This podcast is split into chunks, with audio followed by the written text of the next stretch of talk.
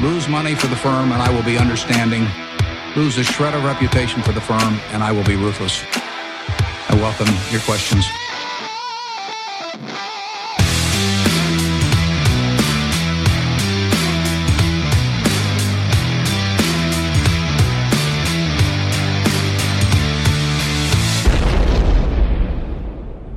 Hej och hjärtligt välkomna till Kvalitetsaktiepodden. Det är jag som är Ola. Det är jag som är Marcus. Ja, och det är jag som är Klas. Det här är avsnitt 123.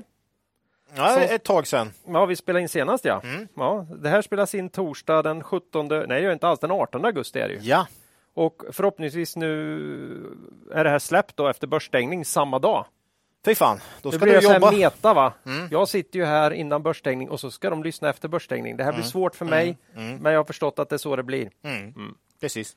Eh, idag det blir ju rapport, rapportkommentarer i fokus här Mm. och så Marcus bejublade aktuellt avsnitt. Ja. Mm. Den här rapportperioden har ju varit lite större prövning än vanligt för oss. ja, får man nog säga. Mm. Också utdragen här eh, längre än du vet Q2 alltid. Ja. Lite för, så att eh, smärtan har varit Nå- lång här. Några före semester, några efter. Och när det, jag skrev så här, eh, det är både hur bolagen presterat och hur marknaden reagerat. Mm. Så jag skulle vilja säga att det har varit ömsom vin, ömsom vatten, ömsom ättika. Mm. Vad tror Ja. du om det? Jo, lite allt möjligt. Marcus kommer väl in på lite så här aktuellt också. Vi ska prata lite. Men, men, eh, men verkligen eh, upp 10% eller ner 10% har liksom varit standard på rapporterna känns det som den här rapportperioden ju. Ja. Och även våra innehav då. Eh, Mm. mm. Så det får man väl säga. Man, man, man får ju inte ha problem med blodtryck så att säga. Nej, Nej. jag inser nu när jag ser vad jag har skrivit här att jag menar ju naturligtvis ömsom vinäger. Jag har faktiskt skrivit ättika här. eh, är det, det är en nystart här inför hösten. Nej, Det Nej, det tufft. klipper du Det var säkert bort. Det Nej, det det kommer jag bort säkert klippa. Ja. Eh, Ola, du har varit otrogen här i sommar. Har jag? Ja, Det är bra att veta. jag tänkte om du har någon kommentar på det. Nej. Om jag nämner Sparpodden avsnitt 458 med Jo. Alexander Gustafsson som dök upp här Jo, som det, en chock det är sant. på kontoret. Jag hade inte sagt något. I, jo, det hade jo. Nej, det är jättekul att eh, Ja. de vill ha med oss där och vi skickar det vackraste vi hade då, för det här var ju en Youtube-version nämligen. vackraste. Ja. Och, och, och då är det ändå lite tragiskt, för jag såg att flera redan kommenterat ditt utseende i förhållande till sina estimat då, på hur du skulle se ut. Och den vanligaste kommentaren på Twitter är att du också har ett ansikte som nog passar bättre i det traditionella poddformatet. nej, nej, nej, nej, det har du inte alls skrivit. Nej, Nej, jag läste Nej, faktiskt de att, att, att, att rösten hade, eh, hade de bara liksom, när de lyssnade, lyssnade på mig så befarade de något mycket värre. det var, det var, så, så att jag kom ändå undan här han såg tycker jag. riktigt stilig ut. var Ja, som sa. ja, med tanke på rösten Ja, ja. du har ju tagit på finaste skjortan och allting. Jo, jo, visst. Så är det ju. Nej, men det där vart ju riktigt trevligt. Nej, det var superkul. Så det kan vi rekommendera. Sparpodden avsnitt eh, 458. Både på eh, där poddar finns och på Youtube Tube, ja, faktiskt. man De har ju se- en riktigt fin, eh, fin studio där. Om man vill se hur du ser ut då. Ja. Eh, så det är ju skoj att han kan erbjuda det när vi inte gör det själva. Mm. Eh, det är fortsatt krig i Europa. Jo, det är det ju. De Tyvärr. Rys- ja, de ryska ledarna med Putin i spetsen eh, fortsätter att trots all vett och sans. Och nu under sommaren har de ju börjat med rena terrorbombningar Mm, av uppenbart civila mål långt bort från fronten. Nej, jag Ja. vet inte. Alltså, det, det här känns som att- måste få ett slut. Ja. Vi uppmanar alla som har möjlighet att bli månadsgivare till någon seriös hjälporganisation Mm. med verksamhet som stöttar Ukrainas hårt prövade och tappra folk. Ukraina, jag kan säga, vi ser och vi glömmer aldrig. Nej. För det här är för jävligt. Jag, jag hade ju länge en förhoppning om att det här skulle bli, gå över ganska fort, men nu börjar man ju Det gör ju komma in i en tro att det här blir långvarigt då, Ja. istället. Så att, eh, mm. Eh, nej, ett helvete. både Ryssland och USA har ju tradition att hålla ut rätt länge när de har inlett sådana här Mm. operationer. Ja. Får vi se. Det kan ta tid. Mm. Eh, sen senast då, vi spelade in så har det förflutit sex veckor. Ja, rejält. Mm. Jag har gjort så mycket här så hälften har varit nog. Men om man ska säga någonting här som nio dagar på vägarna i södra Sverige med familjen här under semestern. Vi bodde på sex olika hotell. Mm. Det var golftävling och beachvolley-SM med barnen. Fan, du är ju en riktig sportpappa du. Ja, vet du. Häng med släkt och vänner. Ja. Också en bejublad avslutning på Liseberg i Göteborg. Oh, klassiskt. Men spännande då. Vädret på Tylösand under resten, de här två dagarna, det är en hel vecka, men Agnes då, min dotter, spelar två dagar. Mm. Dag ett, 33 grader. smärtsamt strålande sol, Ja. vindstilla och du kunde faktiskt fysiskt inte gå på sanden Oj. överallt. Oj, Är du med? shit. Dag två. Får man spela i någon form av sk- eh, Skor något på fötterna eller? Ja, det finns sådana, men det hade ju inte Nej. vi fixat, för vi är ju kass. Mm. Dag två. Eh, 15 och regn. 17 Och regn. duggregn Nej, och Sverige. en påtaglig vind som då gjorde att det upp, upplevdes som kanske 7-8 grader. Upp till 14 meter i byarna, sekundmeter i byarna. Ja, då behövde man inga skor då. Eller så behöver man skor ändå. Så det var skor. alltså helt vanligt svenskt semesterväder Ja, vi ja. hade där. Då. Mm. Nej, men s- ja, i snitt har det väl varit väldigt Ja, det var ju- varmt i den här ja, sommaren. Herregud, avsluta med, vi avslutar med några dagar här ute i Gryts skärgård Mm. här utanför Valdemarsvik i Fagerö, Östergötland. Vilket väder det var här i slutet på förra veckan. Oh, oj, Ja, ja, ja, oj, det är galet, galet. oj. Nej, Lite för varmt för min smak. Jag är ju... Ja, jag vet inte. Perfekt har det varit. Ja, Marcus, du gillar ju värme, det vet jag. Eh, ja, oväntat vackraste platsen. Mm. Jag hade aldrig tidigare varit i Karlskrona i Blekinge. Nähä. Både staden och omgivningarna, Mm. de ropar efter mig känner jag. jag. Jag fick en eftermiddag på tok för lite. Dit ska jag tillbaka för det var både stan och, och själva platsen är ju fantastisk. Mm. Otroligt vackert och häftigt. Ja. Så dit ska jag igen. Jaha, ni då? Har det hänt något spännande i era liv under semestrarna? ja, vad sa du, sex veckor sedan? Mm. Så det är bara att du börjar nu och går igenom listan då framför Det är ju en, det är hela industrisemestern som man brukar kalla det. Vet, gör man det fortfarande? semester- Kallar man det industrisemestern fortfarande, Claes? Vi är ju som, ja, man hittar väl på det, men det är nog inte så mycket med Juli, det. juli alltså. Det var ju Ja. indus- klassiska industri. Industrisemester. Man stängde ner förr i Ja, tiden. Det ja. gör man ju inte heller idag på samma sätt. Så. Nej. Ja, nej, men jag har, eh, jag, jag, var ju, jag har varit i Sverige, men jag har faktiskt också varit utomlands en del här ju. Mm. Ett par veckor i Spanien och dessutom eh, England och London. Jag var ju dels då besökte Wimbledon Mm. en dag här va. Det var ju stort för en tennis. Kolla, Tennis- kolla lite dubbel va? Ja, dubbel och lite juniormatch. Kom inte in på Centercourt. Vi hade ju inte bokat innan då. Eh, men det kanske var lika bra. Nu, här fick man ju sitta och kolla. Det finns ju hur mycket banor som helst och du kan kolla. Ah, så jäkla häftigt område. Eh, så Wimbledon och sen var vi på den här ABBA Abba. Avatar-showen då. Jag också kan rekommendera för alla som gillar musik och Ja, ABBA. du Och- fattar ju inte att det var fejkat först. Utan, nej. Nej, men min son Fan, nio var de år trodde, visste ju att om det här, men han trodde ändå att det var så att de, när de kom in på slutet, ja nu, nu spoiler, nej vi skiter i det, vi skiter i det. Och, och, Du ska inte spoila. nej, jag ska inte spoila. Åk dit! För, för då alla det var värt det va? Du Det var det jättenöjd. definitivt. Jag skulle säga att det nästan slog Wimbledon trots att jag är... Mm. Min son nio år tyckte det var bästa på hela semestern och då var det ju pooler och hav och du vet va. Ja. Så att det är, där, har de något. Avatarerna. Ab Avatarerna, ja. Eh, nej men så det, det kanske är lite om min. Ja, det var något annat än Karlskrona det. Ja. Jag tycker vi snabbt går vidare till Macke. Du kan väl omöjligt ha gjort något?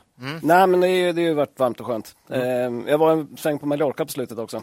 Det var varmt. Ja, jag såg det. Ja, De sista dagarna var det 35-36, men, men klart som jag använder som väderapp har ju en sån här känns som. Ja. Mm. Och på vintern så är det sån här köldeffekt i Sverige. Det är alltid svinkallt. Liksom, Ja, ja, ja. vind och så. Men där var det ju istället 36 grader känns som 55. Oh. Jag vet inte hur de mäter det. Men Det är, fanken, det är ju, liksom- det är ju det är bastu alltså på den. Ja, det var varmt. Men, men jag låg mest i kanske man havet. tänker så- att man är i solen lite då. Ja, man är ju mycket i solen, men man ligger i vattnet hela tiden. Så att det, det var ganska okej ändå. Jag Mm. gillar ju värmen liksom. Det var, ni, ni, ni turistade inte på såna här... Ja, syrran åkte till såna här eh, grottor och grejer och sånt. Men, jag Men det var ju i svalt och skönt. Ja, i, i grottan, men Ja. du ska ju ta dig dit också. Ja, jag vet, det är jobbigt. Men, men jag, jag, jag tänkte du sa Karl, eh, Karls, eh, Karlskrona. Karlskrona. Jag var ju i Karlsborgs fästning, i, Ja. bara snabbt. Eh, och den byggde, man skulle bygga den som centralförsvar i Sverige Ja. på tio år. Jo. Vet du hur lång tid det tog? Nej. 90 år. och när man var klar, då hade man den i 15 år och så la man ner den sen. För att man kom på att det här... För, to- Men det total- här är norra Vättern va? Ja. ja just det. Totalförsvar samlar allt på ett ställe, ganska dåligt när det finns flygplan sen som kan komma och bara bomba dem. Men är inte det det här fortfarande ju- en av de här riktiga Baserna, fästningarna, ja. baserna Ja, ja, i ja. Sverige? Ja, alltså det det. de har ju värnpliktiga och sånt. Men, men man har ju lagt ner hela idén med att det skulle vara ett jättestarkt försvar. Vet, de är liksom, alla skulle Det komma. Jag tror att fortfarande att de kommer att köra dit alla, Alla digniteter och, och så... Men det fascinerande. 10 år tog 90. Ja, Och Nej, så var det det är sjukt alltså. Det är många som inte vet det, men det var ju alltså samma projektledare som hade Hallandsåsen sen. det var ju... Och numera Claes Badrum. Och numera mitt badrum. Nej, det, ingen, ingen, de, det, de är bra. Ah, okej. De har fasen i mig varit på minuten så här långt kan jag säga dig. Lyssnar ni på, på det här avsnittet, inget ont om er här. Nej, nej, nej. Men däremot de som höll på med Karlsborgs fästning, där, där har vi lite mer att önska. De kunde ha öst lite. Var inte den som fick ett tändstickor också i Karl-Bertil Jonsson? Nej, det var något helt annat. Jo, nej, Varbergs. Varbergs, Varbergs ja. fästning. Nej, nu, tillbaks till, till, till vad vi egentligen ska Det prata om. klipper Va? säkert bort hela det. Ja, det gör det säkert. Som vanligt. Mm. Eh, några andra som faktiskt garanterat ännu mer spännande semester än det där. Mm. Vilka tror ni det kan vara? Jag antar att du pratar om Kavaljer här. Ja, Peter Åkan naturligtvis. Ja. Jag har ingen aning om vad de har gjort, jag bara vet. Jag bara vet att det var, De gör det var bättre. Ja. De gör alltid lite bättre. Då. Det Ja. är vår huvudsponsor Cavalier AB. Mm.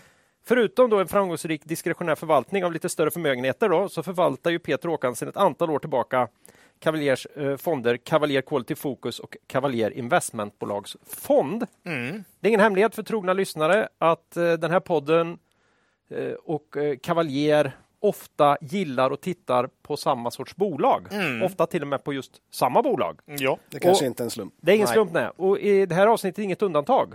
Vi har ju tittat faktiskt på tio bolag idag. Fyra av dem återfinns i fonden Cavalier Quality Focus. Mm. Och det är Betsson, Byggmax, Inwido och Kindred. Ja. Då vet man lite vad som kommer att komma här idag också. Mm. Det var Fond- alla mina bolag tror jag. Du ser. Okej, då ändrar jag. Det är våran huvudsponsor och Marcus har en. Ni har ju också ganska många. De har ju en fond att inte ha för mycket varje, så de har ju rätt mycket bolag. Det har ju du med. Ja, precis. De fondstrukturer här då. Ja. Eh, de har haft lite tufft eh, här. Inledning kan man inte säga under 2022. Nu är mer än halva året gått här. Vem har inte det? Vem har inte det? Precis som börsen i stort. Mm. Men potentialen i många av bolagen är ju större nu än på mycket länge. Ja, det blir ju så när man trycker ner saker. Va? För så är det ju med många av de bolagen som ligger oss varmt om hjärtat också. Mm. Man ska ju inte missa möjligheten då, för det här har ju lite med tidseffekter att göra. Timing. Missa inte möjligheten att månadsspara i Cavaliers fonder, till exempel Nordnet eller Avanza. Med månadssparande minskar man ju den här förhatliga timingrisken Mm. som alltid hänger över mer aktiva investerare. Ja. Tack säger vi till vår huvudsponsor Cavalier AB.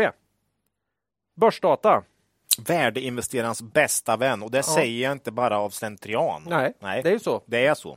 Vår äldsta samarbetspartner. Mm. Jag tänkte ha en sån här inledning som att nu har de igen, men det går ju inte för de gör ju igen och igen och igen. Det är ingen som tror på det. Det är ingen som tror på det. Jag bara säger så här. Han vill hälsa eller? att Quarter, Ja. George hälsar att Quarter nu finns. Jag såg det. Ja, det är grymt. De samlar conf calls. Vi älskar ju den här tjänsten. Ja, det finns att tillgå i terminalen. Rakt upp och ner på Börsdata. När jag gjorde dagens manus här Ja. så gick jag in och plockade alla eh, uppdragsanalyser Ja. på, alla, på de bolagen direkt i Börsdata. Så det är För allt. nu kan man alltså för många bolag få rapporter, bolagspresentationer, estimat, pressmeddelanden och nu också alltså conf calls. Jag vet inte vad jag ska Jättebra. säga om det här. Nej, det, Det är ju jättesmidigt för oss under rapportperioden. Ja. Många bolag pres, pre, kommer ju med presentationer parallellt. Eller när man liksom ska komma ikapp eller skinnat fram ett bolag. Mm. Man kanske vill ha lite mer kött på benen utöver själva rapporten. qa kan ju vara väldigt klargörande ibland eller fruktansvärt frustrerande. Särskilt i efterhand då när man har noll möjlighet att själv komma in med en fråga. Ofta blir det ju inte så jäkla mycket nytt när, bolag, när vdn presenterar själva siffrorna. Men, men, men det är ju just då har han ju förberett. Det är ju när han- frågorna det är kommer när som... frågorna kommer som det blir riktigt eh, intressant ofta. Men det sjuka är att ibland säger de ju faktiskt Ja, helt de- avgörande de, saker också. De, färg, de, de broderar ut Ja. en del faktiskt, det gör de också. Så att, eh, Det är lite De brukar vara ganska där. försiktiga med prognoser, men det brukar gå runt omkring Mm. en del information som är definitivt av vikt. ja. Ja, Lätt lyssningsvärt. Mm. så eh, missa Bra. inte Quarter i Börsdata och tack säger vi till Börsdata. Mm. Mm. Ja, innan vi går vidare i avsnittet vill vi påminna våra lyssnare om att aktieinvesteringar alltid innebär ett stort risktagande. Aktier kan både gå upp och ner i värde. Satsa därför aldrig kapital på aktier som du inte är beredd att förlora. Det vi säger i podden ska aldrig betraktas som köp eller säljrekommendationer. Gör alltid din egen analys av bolagen innan eventuell handel. Ja, aktuellt då? Ja, Ja, vi Här- lämnar över till Marcus, allas ja, vår I Marcus. Studio 1. Mm. Eh, stu, stu, samma studio va? ska vi prata lite allmänt om marknaden först? Ja, men det var ju ett tag sedan vi spelade in podd. Eh, Mm. Så att vi får ha en liten marknadskommentar. Eh, när vi spelade in förra gången så var ju börsen väldigt svag. Det var ju nästan på botten där som vi hade senaste avsnittet som vi spelade in. Så att... Dessutom när jag spelade in det här, eh, det här med Sparpodden, det var också precis då. Ja, du pratar väldigt mycket om den stora börsnedgången. Ja, han så. med. Nu, hur ser du, och nu har det ändå kommit en rekyl på 10 procent. Ja, exakt. Men Faran med att spela in förväg. Ja. Eh, Men nej, för det har ju varit en rekyl uppåt. Eh, Definitivt. Eh, Men det här har ju varit koncentrerat ganska mycket till de aktier som har tappat mest innan. Eh, Det vill säga inte våra eh, typ av bolag, skulle man säga. Nej. Eh, Så vi har ju tappat lite mot index här sista månaden. Ja, vi är väl upp hälften av index kanske sista månaden här något, Ja. skulle jag tro. Och, och så blir det ju. Eh, Men sen får vi se om det här är en bestående vändning eller om det bara är en spekulation om att det ska vända. Eh, De flesta aktierna som har stigit mest har ju inte presterat något egentligen för att göra det utan det är mer en tro på att det kan bli bättre sen så att säga. Mm. Eh, Och lite studs, sentiments. eh, Nedgången var en tro på att det kunde bli sämre sen och nu studsar man på en tro på att det kan bli bättre sen. Ja, Mm. Och sen så- förhoppning. Liksom. Ja. Och ränt, eh, inflationsförväntningarna kommer ner lite och sådär kanske. Så. Så att, men sentiment kan ju svänga ganska fort Mm. har vi sett. Så Ja. vi får se lite grann hur det ser ut eh, nästa gång vi sitter här. Mm. Eh, Vi, vi var ju en tidigare podd då vi inne med att vi hade satt en gräns på 20 procent av eh, portföljen i byggrelaterade aktier. Då. Mm. Eh, Fast att mycket såg lågt värderat ut. Ja. Och det här var ju ganska bra när Q2-rapporterna kom här. Vi såg att i många fall var det ganska okej rapporter, till exempel Inwido då, eh, som vi kommer ta lite senare mer i detalj. Då. Men rapporterna var ju extremt sura. Ja, rapportreaktionerna det- sura. Eh, ja. Både de som var dåliga, eh, om det, om det var en sämre rapport, ja, då var det dålig reaktion ofta. Men även de hyggliga rapporterna inom sektorn var ju svagt utfall på, på kursen. Liksom. Ja, verkligen. Alltså, marknaden sålde ju av allting inom den sektorn, Ja. oavsett vad de presterar för någonting. Eh, och det är svårt det här med sentiment och förväntningar. Eh, och marknaden var uppenbart eh, livrädd. Ja. All koppling till bygg och, och fastighet också. Mm. Sen har ju fastighet studsat mer än bygg då. Ja, senaste månaden. faktiskt. Tydligt. Lite konstigt ändå. Mm. Men det krävs mer än OK-rapporter för att vända trenden så att säga. Men det är väl inte orimligt att tro eller att det var en hel del tradingfirmor och sånt som hade sett att den mest lönsamma strategin var att sälja på de här aktierna eftersom de var svaga. Då. Mm. Och, då, och sen är det tunn likviditet på sommaren. Ja, Det har vi det sagt tidigare. Mm. Mm. Det, det blir ju lätt stora rörelser då. Ja. Eh, Men då kommer ju frågan, vad ska man liksom göra när det ser billigt ut på lång sikt? Eh, En strategi är ju bara att lägga sig och köpa och vänta. Mm. Eh, Någon gång är ju det rätt, eller det, det, kan, det, blir ju rätt. Om du, Ja. om du köper något långt under sitt historiska värde så att säga. Om de nu bara kommer tillbaks till sin vanliga lönsamhet eller vad det är. Eh, frågan är om man vill ta det i ansiktet några kvartal då när det Ja. blir svagt eller om man ska vänta. Men ja, Och här är lite svårt för oss, för vi vill ju inte bara ha en massa case där vi sitter och väntar. Vi försöker välja ut de som vi tycker ser bäst ut för tillfället ja av även på ett halvårs vårt universum. Liksom. liksom, eller vad det nu är. Mm. Så, så det var ju ganska bra med en, en gräns. Vi får se lite grann hur... Det är lite extra svårt Ja. i den sektorn. Mm. Men Vi kommer komma in lite grann på vad vi har gjort. Men eh, senare långsiktigt finns det nog ganska mycket som, som är intressant här nu. Mm. Om man lyfter blicken flera år framåt då såklart. Mm. Så att, eh, nej, men intressant. Vi, vi Ja. kommer återkomma lite senare i podden vad vi har gjort. Ja.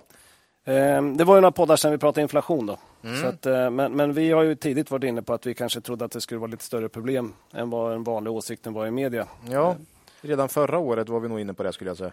Ja, och då pratar de flesta om det här med övergående inflation. Ja. Eh, men det har man ju övergivit. Då. Mm. Eh, man Det, kan det var alltså en övergående åsikt. ja, ja, det var en övergående åsikt. Mm, okej. Eh, Men man kan konstatera att det blev ju snarare värre än, än Ja, ja. övergående. Mm. Och I juni så slog man inflationsrekord både i USA, Sverige och Europa. Här har Fed varit minst långsam ändå på pucken. De har höjt aggressivt. Sämst har ju ECB varit. Man slog till med rekordhöjning på 0,5 procent 21 juli och ligger nu på Noll. Nej, 0,5. Ja, är man noll nu? Noll. Är vi inte uppe på 0,5? Jag vet inte. Nej, jag för- men det spelar egentligen ingen roll. Nej. Man har en inflation på 7-8 procent. Usch. Så det är ju liksom, man är ju helt ute Helt och cyklar. Mm. Och det är ju såklart för att man ska försvara de svaga euroländerna som inte skulle vara med i en gemensam valuta. Eh, Och hela idén med en, en valuta och en räntepolitik för länder som är så olika är ju helt feltänkt från början. Eh, Det ska bli intressant att se hur lång tid man, hur långt man drar det här för att hålla ihop EU eller om man gör Ja. sitt jobb och bekämpa inflationen istället. Då. Ja. Men om man går till bolagen då som är mest intressant för oss eh, så är det tydligt av Q2-rapporten att nu börjar man ju se en viss press på marginalerna Mm. eh, av inflationen. Det är starka omsättningsutvecklingar, många bolag, eh, men det börjar synas lite press på marginalerna. Vi kommer ta in några sådana bolag idag. Mm. Det här blir viktigt att följa upp framåt då för att se vem som har pricing power, Mm. kan föra vidare inputpriserna och vilka som inte har det. Första kategorin kan ju gå ganska bra in, in, även om det blir högre inflation eh, för att man har möjlighet att föra över det. Men de andra kommer få problem då. Mm. Eh, sen en av huvudanledningarna till att börsen gått upp nu senaste månaden är att vi fått lite lägre inflationssiffror. Ja. Eh, det var väl 8,7 eller något istället för 9 i USA man trodde på. Liksom. Ja. Och det här är ju stött av lägre råvarupriser. Oljan har ju fallit tillbaka ganska mycket. Det visar ganska mycket på det här vad som är fokus just nu. Mm. så fort det kom in lite lägre så stack börsen rejält liksom. Jag såg en intressant eh, meme på det där med att eh, 8,5 procents inflation i januari, då var en person satt och grät och 8,5 nu så var det någon som stod och jublade. ja. ja, det är roligt. Ja, mm. ja, kul. Så man ändrar perspektiv lite grann. Ja. Jag var tvungen att kolla snabbt här. Alla, alla olika räntor finns hos ECB. Ja. De har eh, någon för marginalutlåningsfacilitet. Okay. Den är 0,75 nu och inlåningsfaciliteten är 0. Ja, Så det var väl den jag hade sett då. Ja. Nej, men det är, det, det är lite farligt tror vi att blåsa faran över för inflationen ännu då. Ja. Man har ju bara sett ett tick som varit lite lägre. Eh, vi har inte ens börjat lönerörelsen i Sverige. Nej.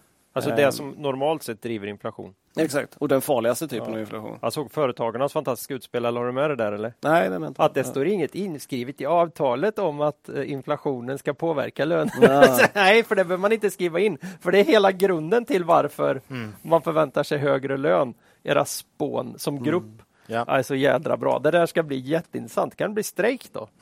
Ja, men det är absolut. Ja, men, Såklart. eh, vilka fack kommer nöja sig med 2% när inflationen är 8? Mm. Real löneminskning med 6 Ja, det, är inte, det är inte roligt. Det. Det är inte så kul. Nej. Så det här kommer ju bli ett, eh, en stor fråga. Ja, ja. Och, och elen kostar 40 000 för en, en normalvilla istället för 10, Eluppvärmd. istället för 20, Ja. 15. Ja. Nej, så problemen är inte lösta. Sen en annan faktor som jag tycker är lite intressant. Det kom ut producentpriserna i Sverige i juni. 25,6 procent högre på ett år. Och det kan man jämföra med 8 procents inflation. Det visar ju då att man har ju, producenterna har inte tagit ut allting på konsumenterna. I och med att inflationen är så mycket lägre. Det. Och där motbevisar ju tesen som partier, särskilt på vänsterkanten, driver då om att det är giriga företag som trycker upp inflationen. Mm, mm. Det är ju snarare så att man inte har liksom, Ja. flyttat med Mm. eh, prishöjningarna som man själva har fått ta, utan man får absorbera kostnader. Mm. Men hur länge kan man göra det då? Ja, det går ju inte. Ja, I längden går det inte. Fråga Scandi Standard. Jag vet inte. Ja, men kyckling i vår ICA har gått upp så in i helsike. Så att de... Ja, de försöker. Nej, men vi får se. Det, jag, jag, ja, det är för tidigt att blåsa faran över. Definitivt. Eh, så att, men men ja, det här är inte inflationspodden, så vi går över till lite bolag istället. Bra. Gött. Det var ju länge sedan, eh, så vi har en lite äldre nyhet som vi, borde, som vi måste ta upp i podden som vi inte haft med. Mm.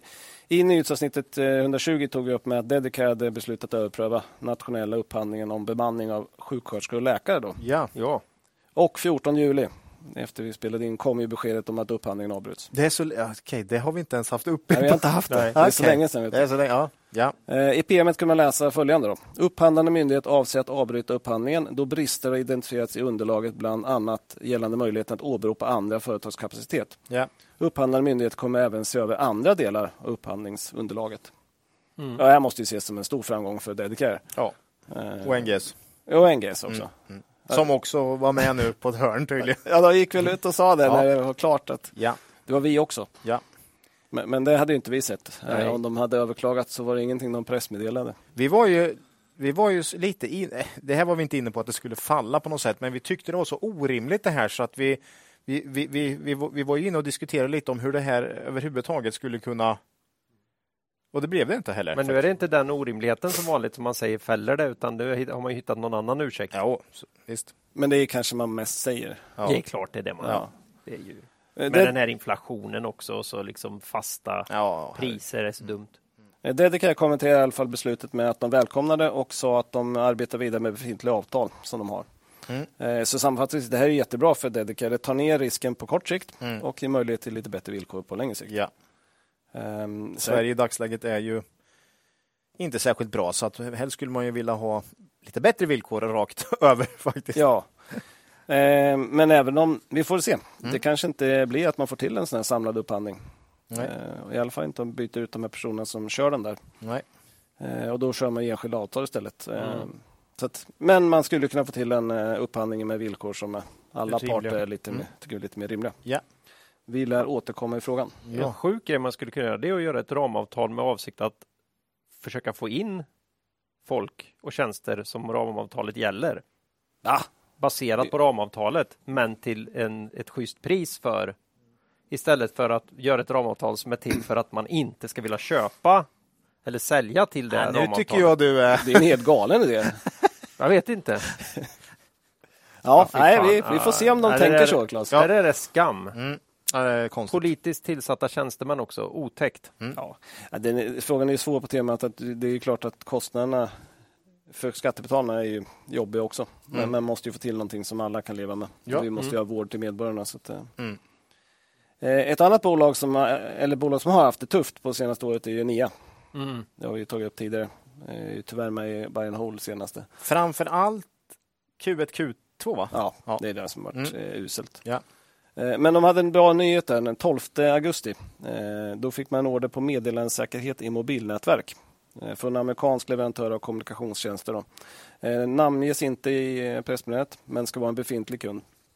Lite synd. Det vore bra med en stor order från en ny kund. Mm. Det, har ju en, det finns en osäkerhet kring eh, Enea som liten leverantör om man ska kunna säljas in till nya stora kunder. Mm. Man får, får ju en hel del uppföljningsorder från de man redan är inne på. Mm. Eh, Det är lite svårare som liten leverantör, att komma in. Så att säga. Ja. Men, men det var ändå jättepositivt. Eh, 60 miljoner ordervärde. Mm. Det är ju stort. Eh, Nia omsätter en miljard, så 6 procent av årsomsättningen. Då. Ja. Mm. Eh, Stor del intäktsförs under treårskontraktsperioden, kontraktsperioden, men 18 miljoner licenser kommer in i Q3. Då.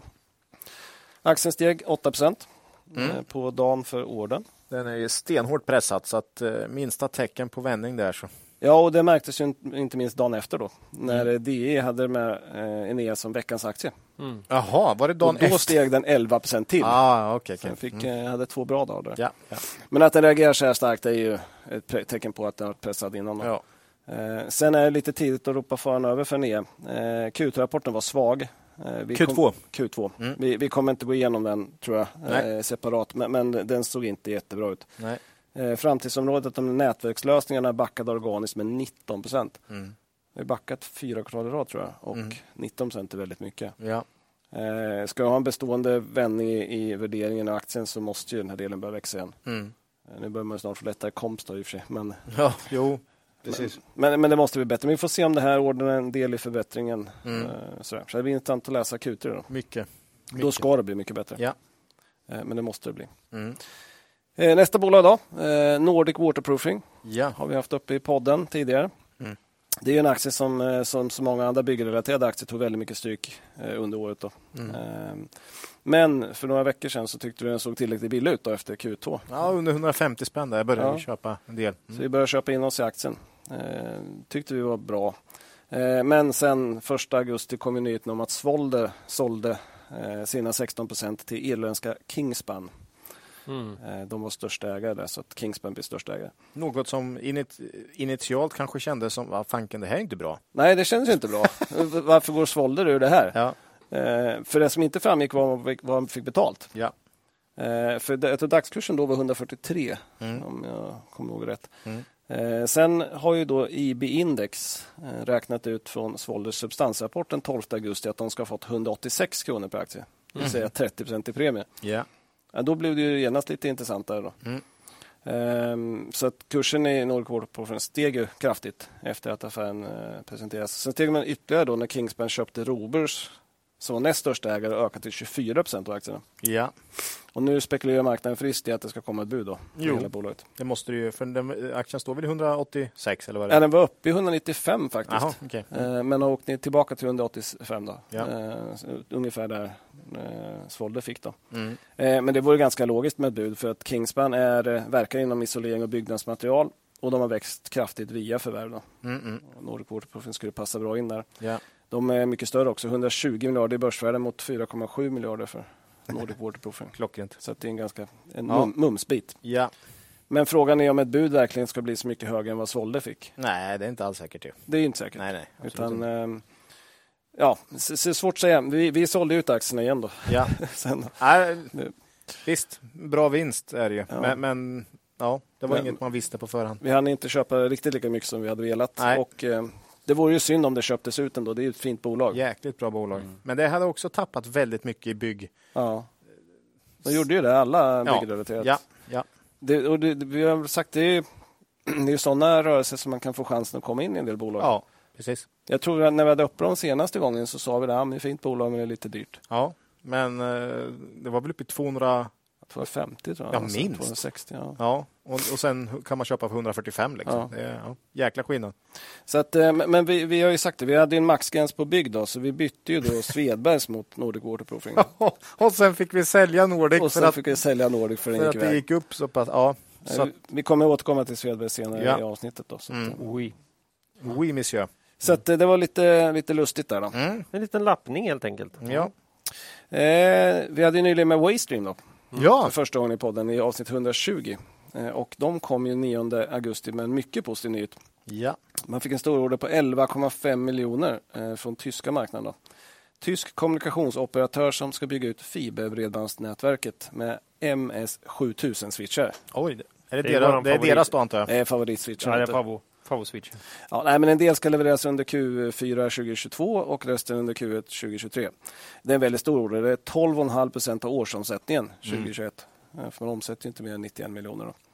Eh, När vi tog upp det i podden talade vi just om den här stora potentialen på tyska marknaden. Att liksom man har en, man har en väldigt stor planerad utbyggnad i Mm. Tyskland. Mm. Och då är det väldigt positivt att få en så stor order på, på tyska marknaden. Ja. Eh, aktien gick starkt efter ordern. Eh, handlas just nu, när vi gick in i 32 kronor, upp 33 procent i år. Mm. Ja. Det är starkt på ett negativt börsår. Eh, Men, men det är ju det är inte så svårt att förstå när det går åt rätt håll så att säga. Nej. Eh, Vi eh, sa då när vi var i podden att vi hade en bevakningspost. Det har vi kvar. Vi hade jag hoppas på en allmän nedgång på börsen för att kunna öka. Ja. Men den sprang iväg lite Ja. istället. Men jag gillar ju att när man tar in liksom, man byter vd till en kraftigt säljinriktad vd som sätter upp en plan. Tyskland är liksom i fokus och sen börjar ordrarna komma. Mm. Ja. Det, är liksom, det går inte att hitta på bättre. Nej, det är Ja, klart. det är ju, För hela storyn så, så Ja. just genombrott i Tyskland är det man vill se. ja, Mm. så det är bara hatten av säger Ja, jag. Hoppas kul- jag att kul. det kan fortsätta Fortsätter. så. Ja. Det Kul med pigga svenska teknikföretag. Mm. Eh, avslutningsvis eh, dagens iGaming-nyhet då. Ja. Eh, Rörande Betsson. Eh, det är då Peru som har informerat om att man reglerar online-betting. Mm. Eh, spelskatt 12 procent av operatörens skattebas. Det är ändå inte så högt som en del andra länder. Nej. Det beror på vad skattebasen är. Ja, i och för sig, men eh, jag gissar att det beräknas på ungefär samma sätt. Ja. Det framgick inte. Eh, Men månadsvis ska den tas ut, ligger i linje med vad Betsson har pratat om tidigare. Man måste också verka in- inom såna här PE-domäner och ha lokala representanter. Jag vet inte hur pass dyrt det är och vad man har i nuläget. då. Eh, Så vitt jag vet har jag inte känt hur mycket Betsson har eh, på peruanska marknaden. Men Latinamerika är den världsdel som växer klart snabbast i Betsson. Jag tror Peru är en av deras större marknader om man får gissa. Ja, ja det tror jag också. Det är, jag frågade er förut, vad heter eh, liga division 1 i, Vad i, i Peru? Den heter Och då trodde jag ju den hette något med Inka, men det, så var det inte. Nej, League 1 Betsson. så var det. Ja. Liga 1 Betsson. Mm. Så att de är inne och sponsrar Det är den. väl väldigt subtilt. Ja, vi får se om de får fortsätta. Vissa regleringar är ju att man inte får liksom, Ja. eh, vara på, på sportarenorna. Mm. Eh, Men vi får hoppas att regle- regleringen i Peru går lite bättre än de andra regleringarna vi har sett inom iGaming. Då. Ja, precis. Där man har varit så hård så att det missgynnar de som har försökt eh, göra rätt för sig Mm. eh, och gynnar den svarta delen. Då, så att säga. Ja. Eh, Vi kommer ta upp mer om Betsson under bolagsdelen. Då. Mm. Mm. Precis. Det var det. Det var inte dåligt. Tack! Eh, du kommer ju få fortsätta. Det är ju en ö- den där Shit. sista där kändes ju som en tanke va? Just det, Mm. det blir ju så. Ja. För första bolaget, det, det, det är en litet par här. Det här har hänt förut. Betsson och Kindred Ja, i en mash här. Eh, de var senast med Betsson var med i avsnitt 117 och Kindred i avsnitt 111. Ja, men precis. Nej, men vi har gjort så förut. Eh, Betsson huvudnummer, men vi väver in lite Kindred. Eh, De var med i 117 efter Q1 där vi konstaterar att man har ju klarat av tappet av Holland på ett väldigt bra sätt. Eh, Utvecklingen i Latinamerika såg spännande ut och då kan vi fundera på hur det såg ut i Q2. Då. Mm. Eh, Och den kom ju den 21 juli och föll marknaden i smaken. Kursen steg 9 procent. Ja, det var lite plus 10 eller minus 10 som vi Ja. såg. Ja, det var ett av våra största innehav så det var vi glada över. Ja. Eh, kursen har fortsatt upp sedan dess och är 29 procent upp eh, under eh, 2022. Betsson är väl eh, kanske vårt bästa innehav under 2022 skulle jag tro. Mm. Plus 30 procent är ju rejält bättre än börsen. Ja, det är kul. Ja, riktigt kul. Så intäkterna 186 miljoner euro, ökning 7,8 procent och ny all time high. Mm. Eh, Konstanta valutor och gränsen för förvärv var organiskt eh, nästan 13 procent upp. Mm. Som referens då så föll Kindeds omsättning i Q2 med 34 procent. Det drabbas mycket hårdare av Holland där. Ja. Eh, Det var främst sportboken som gick bra för Betsson, plus 22 procent. Eh, imponerande då fotbolls-EM pågick lite grann under jämförelsekvartalet förra året. Ja. Och det är inte så mycket sport i Q2, eh, liksom normalt sett Nej. eh, i år. Då. Eh, Sportsportmarginal 8,3 procent, lite lägre än Kinders men 9,3. Kinder brukar ligga lite högre Mm. eh, och båda var lite ner från föregående år, då, Q2. Eh, marginalen pendlar alltid kring någon sorts medelvärde. ja, Ibland läggs det lite för mycket vikt på det. tycker jag med. Ja, men de brukar ju säga att när, när vi har dålig sportsportmarginal så vinner folk men de kommer ändå spela upp de pengarna igen Ja, sen. Så att precis. det är inte så farligt. Eh, Casino växte bara 1 procent så det var sportsboken som drog. Vi gillar ju det att Mm. Ja. sportsbok som precis. som drar. Eh, Betsson såg en ökning på 16,5 procent i deponeringar och antalet aktiva kunder var upp 21 procent till 1,25 miljoner. Mm. Det är ju imponerande för att man har ju tagit bort Holland Ja. från, från eh, jämförelsetalet. Gå upp 21 Man har ju procent och är riktigt bra. Hela satsningen i Latinamerika har ju varit väldigt lyckosam. Ja, det måste ju gå riktigt bra. Alltså. Så är det mm. Eh, För Kindle sjönk istället antalet aktiva kunder med 30 procent till 1,3 miljoner. Så nu är de nästan lika stora i aktiva kunder Mm. Ja. under Q2. Ja. Det har de inte varit närheten av tidigare. Nej. Och huvudanledningen till att det skiljer sig så här mycket mellan bolagen är geografisk spridning. Mm. Eh, I Q3 2021, det vill säga före stoppet i Holland, då hade Betsson 20 procent av intäkterna i Västeuropa, Kindred 64. Ja. Mm. Det en här har vi sagt under hela tiden, alltså, att det är riktigt bra geografisk spridning Mm. i Betsson. Och, och, farlig i Kindred, därför att problemet med Kindred var ju framförallt Holland, men även Tyskland har ju varit jätteproblematiskt. Då, så det var inte så bra att ha så mycket i Västeuropa. Nej. Eh, Kindred, då, eller Betsson har istället gynnats av latinamerikanska verksamheten, växte 86 procent i kvartalet. Och nu är den dubbelt så stor som Västeuropa-regionen. Då. Ja.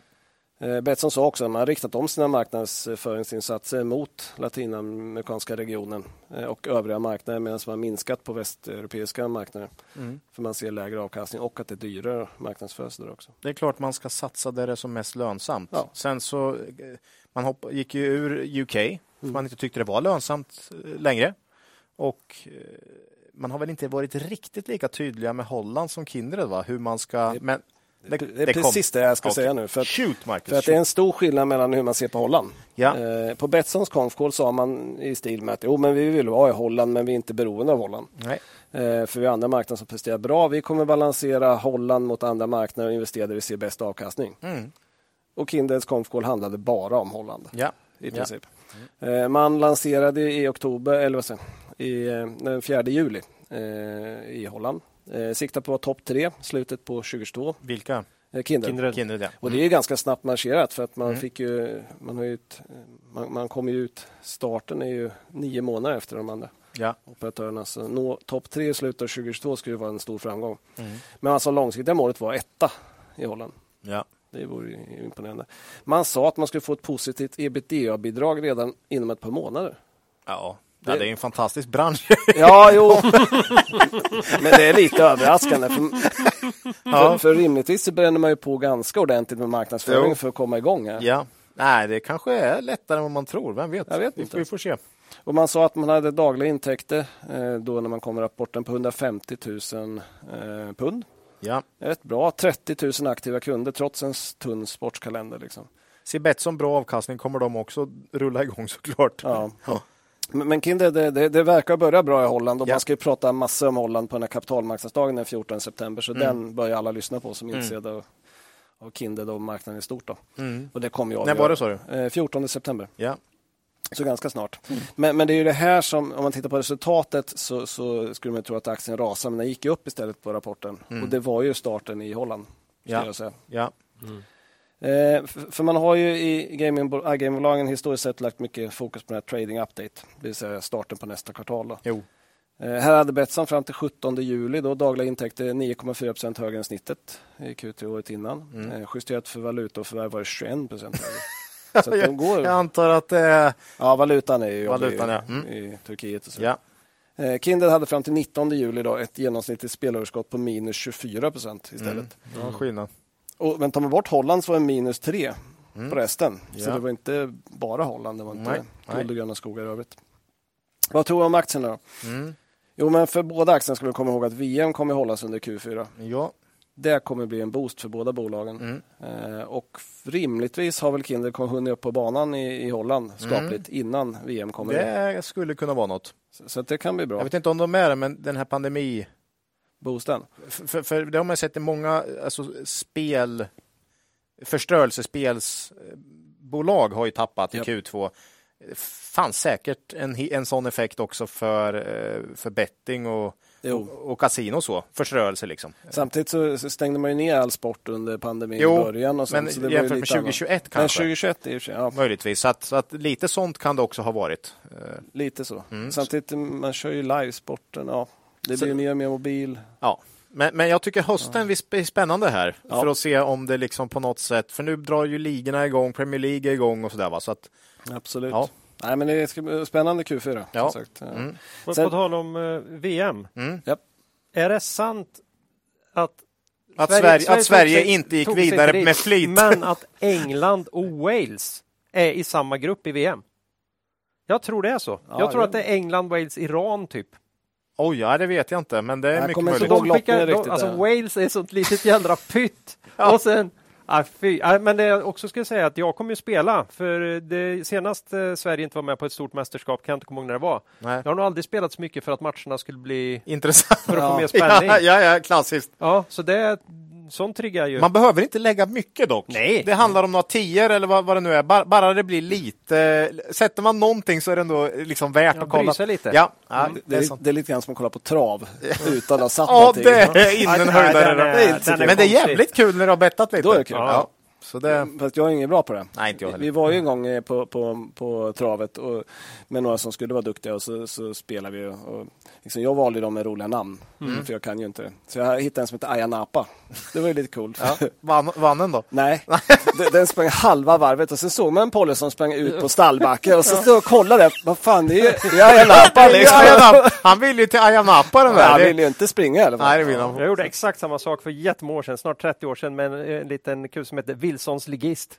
Ja, Så kul, alla man. pengar jag hade med mig på Wilsons ligist. Han kom inte runt heller, utan Nej. ut på stallbacken direkt bara. Det är, det är ju inte säkert att det är den bästa Ja. metoden, eh, gå på namn. Men, men, jag vet ju inte annat heller. Så att, men, ja. Nej. Vi får hoppas de som tippar mer är duktigare. Eh, Men båda de här bolagen är rätt sannolika kandidater för strukturaffärer. Ja. I Kindreds fall så handlar det mer om att eh, köpas upp än att man köper annat. Eh, De här Corvex Management har köpt in sig eh, ännu mer nu och passerat 15 procent och är nu största ägare. Ja. Och vill sätta sig i valberedningen och upprepar att man anser att Kindred bör undersöka alla potentiella strategiska alternativ inklusive en försäljning av bolaget. ja.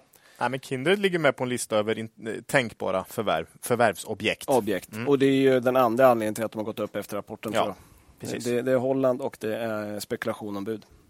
Eh, Betsson däremot, det är klart att de kan bli uppköpta, men de tryckte väldigt hårt på förvärv. Åh, vad bra det vore. Ja. Historiskt har det varit jäkligt bra när de har köpt omsättning för 10-15 procent av omsättningen, årsomsättningen. Liksom. De har varit duktiga. Ja. Eh, och de sa att de såg en hel del intressanta möjligheter Mm. ute. Och de är uppe på lite nettokassa. Ja, kassaflödet är ju råstarkt i Betsson. eh, Så att eh, jag hoppas verkligen att få till ett förvärv och då gärna inte i Turkiet. Då. Nej, jag, de får gärna hålla sig borta från Turkiet. tror, jag tror inte Pontus kommer, utan fortsätta bredda bara. Ja. Köp. Ett sånt köp skulle kunna vara väldigt, väldigt billigt. Ja, jo, visst. Men jag tror inte det är det marknaden vill se riktigt. Kanske Nej, kan få nej, betala nej. i lokal valuta. Då, Nej, men ett lönsamt bolag i någon eh, som, som, som ger en kanske till. geografisk eh, bredd. Eh, definitivt. Men jag tror att vi kommer att se ett sånt. Det lät som att det är ganska nära förestående. Jag vet inte om sportsboken är möjligt tänkbar eh, liksom motiv för förbud på Betsson. På. Betsson? Ja, ja, kanske. Ja. Man ska inte säga, men det verkar inte vara någon som vill köpa Kam- Kambi. Så att, eh, Nej, nej. Det verkar inte så hett just nu Nej. ändå.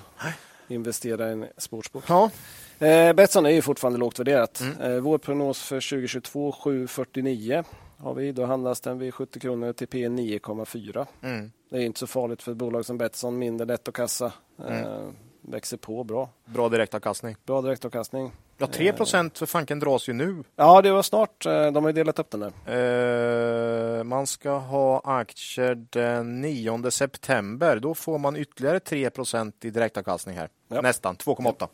Så det är Betsson delar ut, vet du. Det är inte dumt. Mm. Ja, nej, men vi som tidigare sagt aktieägare Betsson, vi ökar även efter Q2-rapporten. Ja, det gjorde vi. För den tyckte vi var bra. Eh, Kindred handlas ju mer på förhoppningar om att man ska komma tillbaka i Holland. Eh, viss chans till bud eh, än de resultat man presterar. Då. Eh, 2022 blir ju ett rent ekonomiskt förlorat år. Ja.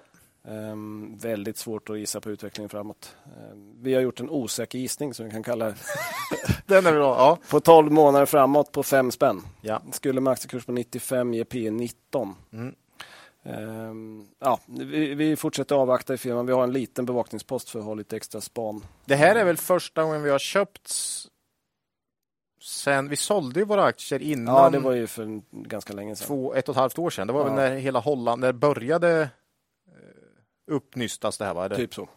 Men det här är väl första gången vi äger igen i alla Ja, vi Men- tog men- en efter Mm. rapporten tog vi en bevakningspost Ja. bara. För Ja. att ha lite extra koll. Så Gör ja, lite pensionssparat också. Jag har båda i pensionen. Din, eh, din, din spel... eh, Mm, galning. galning. Ja. Ja, nej, jag har också Betsson. Betsson är mitt största, ett av de största. Ja. Eh, Men som alltid är är de huvudsakliga riskerna regulatoriska. Ja. Viss osäkerhet kring Betsson då, som vi tog upp i inledningen kring Peru. Då. Ja, du menar reglering. regleringen där. Hur kommer det påverka dem? Och Turkiet är ju alltid... Och Turkiet. Mm. Så man får följa de frågorna. Men eh, ja, intressant tycker vi. Så är det. Så är det. Ja, Grymt, Marcus. Det var spelbolagen, Mm. iGaming. Intressant. Alltid något att hålla sig i när andra delar... Jo, de, de är ju lite kontracykliska. Det har man ju sett i många upp och nedgångar. Betsson var ju också min, eh, kommer jag ihåg, bästa investering under 20, 2008 där Mm. i raset. De gick upp under Ja, det. de var upp under hela den perioden. va? Ja, Ja. så det var ju bra då. Nej, men det är väl om man ska titta till människans historia. Om det inte finns några bolag eh, där ute som ägnar sig åt prostitution, då är det väl spel Ja, som är det nästa säkraste att ägna sig åt. Då. Jag Som människan att det inte alltid finns så många sådana bolag. Men, Vad eh, vi gör, vad Ja. vi än gör så ägnar sig människan åt det. Så att, eh, då, då känns det rimligare att hålla på med spelbolag faktiskt. Så att Mm. Det känns bra. ja, mitt senaste spel gick in faktiskt. Kyrgios mot Medvedev, eh, världsettan här. Okej, Jag har ingen aning. 100 spänn satte jag, tre gånger pengarna. Mm. snyggt. Vem vann? Kyrgios slog ut Fan, världsettan. han är verkligen på gång nu, Ja, alltså. nu, nu har han torskat här eh, ganska tidigt, men nu är det US Open nästa vecka, så jag tror han Ja, men han, han tar ju skalper. till. Ja, ja, visst. Och final Wimbledon. Och, mm. Mm. Nej, kul. Ja, lite speciell lirare. Verkligen. Eh, Så var det. jag hittar ingen bra övergång från det till Byggmax, så jag säger det bara. Nu blir det Byggmax.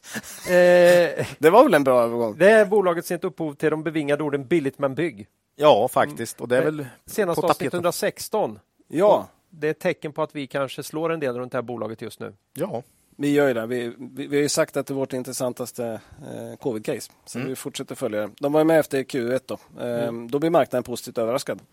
13 procent upp den rapporten på Q1. på Q1. Ja, just det. Just det kommer jag ihåg. Men vi varnar ju då för att eh, det här kommer bli ett väldigt starkt jämförelsekvartal Q2 Ja. eh, 21 och vi trodde att eh, 30 till 40 procent vinstminskning skulle kunna bli i Q2 och vi visste inte hur marknaden skulle ta emot det. Mm. Och hur blev det då? Kan man tänka. Ja, Jo, nej, men nu hade ju marknaden en helt annan syn eh, på Q2 än Q1. Aktien föll 10 procent på rapporten, var nere i inträde av 15 procent. mm.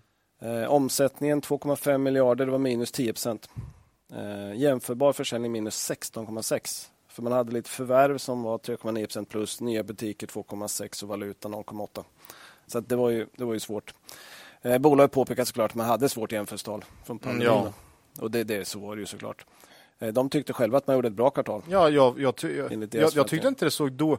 Men Ja, det, det var ju det är lite- klart, pandemi, det var, det var ju så dopat på något sätt. Så, Det var ju lite sämre. Vi var på, inne på 30-40 och det blev minus eh, 46 på vinsten. okej, så lite så sämre, lite sämre. Ja, men inte långt ifrån Nej, man, inte man kunde 15 vänta sig. procent ner på kursen. Nej, nej, nej. Ehm, man bedömer att marknadens utveckling var minus 15 till minus 20 då, medan man själv tappar minus 10. Ja. Ehm, sen säger man att marknaden totalt sett upp 68 procent från pandemin, men Byggmax är upp 42 procent från Q2 2019 då, det vill Ja. säga innan pandemin. ja, men det är ju relevanta siffror. Ehm, sen ska man ha i åtanke i och för sig då att det är en hel del prishöjningar i det här. Såklart. också. Men Ja. det gäller ju både marknaden och för Byggmax. Då. För eh, marginalerna där så, så rörelsevinsten var minus 46 procent. Vi trodde 30-40 någonstans där. Eh, marginal 9,4 procent.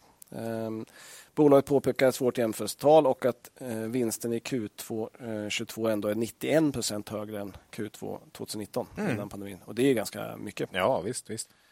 Eh, vi har ju varit inne på att man varit dopad av pandemin. Här kommer ju tydliga siffror på det här. Då. Eh, sen kan Det har man ju också sagt själv. Ja, man har ju sagt man har det. inte hymlat med det. Nej, men eh, Bolaget Ankar Berg, Berg har ju varit ja, han har hela tiden sagt precis det där. jättetransparent. Ja, tycker jag. Ja, och man kan ju tycka att marknaden kanske borde ha diskonterat det här lite mer. Ja, aktien är ner 50 procent i år. Ja. Men, men visst, börsen har gått svagt också. Men, men, men på något sätt, ja. Vi tyckte rapportreaktionen var lite väl kraftig. Ja. Ehm, Man borde ha förväntat sig det här ändå. Mm. vi. Eh, Man säger att 89 procent av butikerna uppgraderats till 3.0, då, det här uppgraderingskonceptet som vi pratade om tidigare. Eh, Kraftig uppgång från 49 procent för ett år sedan. Det här ger ju 6 procent extra i omsättning säger de, men nu har man ju liksom, när man är på 89 procent har man inte så många kvar. Nej, men vad fan, 3.0? Är det inte 2.0? Eller nu Nej, det Nej. var trams. Det var, det var, det, det var länge sedan vet du. Det var länge sedan. Okej. Nu kör vi 3. Ja, ja, 3.0. Lite bättre än Den- 2.0. Nu är det jävligt bra. Men, men när man, nu har man 89 procent, när man kommer till 100 procent, vad man kan göra då? 4.0! Man kan gå till 4.0. Ja, men vad är det då? Är det det är liksom eh, en kassör som... Får hitta på något. De, Ställa en de extra tvingar soffa. på kunderna vad varor under pistolhot. Den är bra! Men vet Då vad? får man mer försäljning tror jag. Ja. Ett, en gång en gång. Men de kanske skulle öppna bar eller någonting och sälja öl. Eller? Ja, den är bra du. Plankstek och öl. Eller? Det, det är ju sånt de ska göra i såna här eh, buti- klädesbutiker för tjejer. Där. Killarna kan sitta och ta en öl medan de Ja, väntar. det är, GKs har ju den här öl. Ja. Gekås kör ju den. Ja. Ja, det är ju briljant. Men, men eh, det här kanske inte sport, funkar så bra. Sportbar i mitten. Fanken vad klockrent. Alla men det här kanske inte funkar för då köper ju kanske folk öl istället för att gå och handla byggvaror. Ja. Ja, men i alla fall, man är på 89 procent så inte så mycket gratisomsättning att kvar, ta det, Nej. kan man säga. Eh, man säger att man eh, eh, har sett en nedgång på större investeringar, pool, växthus och sånt. Mm. Eh, men att det går bra med mindre kapitalkrävande kategorier som färg, förvaring och trädgård. Men där har man ju, och, eh, man har ju mycket i båda kategorier. Framförallt Ja. små grejer har man ju mycket av. Och grejer. Så, Absolut. Ja. Och, och det, det är väl logiskt när, när liksom det blir lite mer Ja, ja, knapert självklart. eh, för folk. Det är ju liksom eh, båtar för två miljoner. Där känner man ju att man, det kan tappa lite. Men, Mm. men just saker för eh, 42 kronor, det, det kan hållas uppe. Jag var ute och spelade golf med en, en En båtägare? Nej. En- Ja, det var han i och för sig också. Men, Ja. men framförallt så, så, så hade han en bästa kompis som drev båthall och Mhm. sålde båtar. Mm. Och han sa att det har gått från att vara superhett till iskallt Jo. på båtmarknaden för hans polare i alla fall. Eh, Under pandemin sålde de hur mycket båtar som helst. De fick inga kvar medan nu eh, var det ingen båt. Jag följer inte Nimbus, men jag antar att det borde påverka dem också. Nej, men de har ju levererat ut på de här, den här grymma försäljningen ju. Så det har ju inte, de gjorde väl rekordkvartal. Mm. Jo, men eh, framåt. Men framåt här då? Jo, jo, men vi har inte, det är ju det här som är grejen. Du ser ju, det Nej, ser nej. ju lite, lite grann. Ja, jo, nej, men det finns en lagg här. Så. Men, men han var väldigt... Eh, det såg inte så kul ut just nu, sa han. Nej. Det, vilken chock! Ja, ja, jättekonstigt. Det är ingen som kan Nej. eh, gissa något sånt här. In, ingen kunde ha sagt det. Jag misstänker att folk springer benen av sig efter eh, stora husbilar och sånt också nu. Så att, Ja, Nimbus värderas nu till P6 här. Så att marknaden är nog Är fra- på är lite i framtiden. ja. Ja, men det är väl bra det att man är lite Ja, före. ja, ja, ja. Ja, men det är lite speciellt ju när, för jag såg någon kommentar, kan tyvärr varit på något forum, så jag vet inte hur värt det var, men det var verkligen den, vilken, vilken monsterrapport av Nimbus. Tror du att de kommer gå i konkurs? Igen, för de har ju kursat en gång förut. Jo, jag vet, jag vet. Ja, det blir- Så det var verkligen, det var en rad emellan. Vilken monsterrapport, tror du de kommer gå i konkurs igen? Ja, Det är verkligen svängande bransch. Det där. ja. Eh, En intressant kommentar i eh, Byggmax var att man sa att varuförsörjningen var god. Mhm. Det vill säga man har fått tag på prylar. Det är inte så många bolag som säger. Nej. Jag har ju precis köpt en jäkla massa grejer från Skånska Byggvaror här. Så, så köp Uterum nu! och växthus och grejer. Fy fan! Och det jag reagerade på var två saker. De kunde leverera allting direkt utom en väldigt specifikt. Jag ville ha eh, färdigmålat. Ja, då var det något skit. Okej. Just det var trångt, men tog jag det så att jag förband måla själv, inga problem. Direkt. Mm. Och det här eh, pris, jag tänkte bli prisökning för jag vågade inte beställa innan jag hade fått fått mitt eh, bygglov. Va? Ja. Ska man ha. ja, det ska man Mm. ha. Det vet Eh, vi. då tänkte jag, det här blir smärtsamt för jag tittade ju då eh, i februari, januari någonstans. Mm. Gått ner. Va? Jag sparade 10 procent eh, på, på att vänta här. Shit! Det var naturligtvis någon sån här Jo. drive de har. Ja. Men det har de ju hela tiden. Ja. De håller upp en vecka för att, liksom Ja. marknadsföringslagarna inte ska brytas. Så de har ju ständig rea. Imponerande. Ja. Snyggt. Fan, Så att, vilken, vilken eh, timing då. Men kommer det här intäktsföras i Byggmax Q3? För då, då, Det är inget bra. då tänker jag nog ta en position. Jag tror att det blir eh, en del av pengarna har de ju fått så den, den, de hann in i Q2 här. Men Ja, okej. ja. sen, sen blir det nog en liten slatt i Q3 också. Här. Ja, ja. Mm. Nej, men man, man sa att man gick in i högsäsongen med ovanligt stort lager för att leverera till kunderna. Bra. Så, men så sa man på Comfort att man avser beta ner lagret till normala nivåer mot slutet av året. Så det kanske var där du såg då. Jag hade en, en uh, lynchning till på det här som jag funderat över. Det var ju att den här lastbilen var ju helt jäkla full med grejer då som Ja. skulle köras ut här i, i Linköpingsområdet. Linköpingsområdet. Och det jag kunde se att de hade massor av i den där lastbilen var såna här enkla uterum som du ställer på trallen. Trallvirke är ju svindyrt. Tror ni att folk kan tänka att ja, men då tar vi och kör det i år? För det har inte gått upp i pris. Det är ju också billigare liksom nästan än Är det, är det, det är ju, de det är ju aluminium, aluminiumprofiler med sånt här plast, Ja. eh, plasttak på liksom. Mm, mm, mm. Färdigt, enkelt och så, glas. Kan du ställa det på något annat än...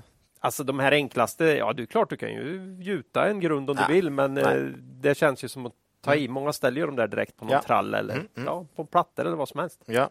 Det kostar inte alls mycket. Nej. Ja, kostar, det är klart vad, men ja, 30 30-40 tusen kanske. ja.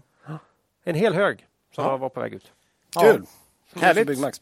Eh, Vi har ju flera gånger pratat om Byggmax långsiktiga finansiella mål. Då. Ja, just det. Eh, Att, de, att vi inte såg någon, eh, någon tillväxt alls om man det var lite jobbigt. Nuvarande Eh, vinst. Men... De, de har ju sagt eh, omsättning på 10 miljarder 2025. Eh, rörelsemarginal mätt i ebita 7-8 eh, procent. Då. Så det vill säga 700-800 miljoner i ebita. Mm. Det är lite svårt att översätta det i vinst per aktie. Vi försökte ju lite grann att göra en gissning med normal skattesats och så.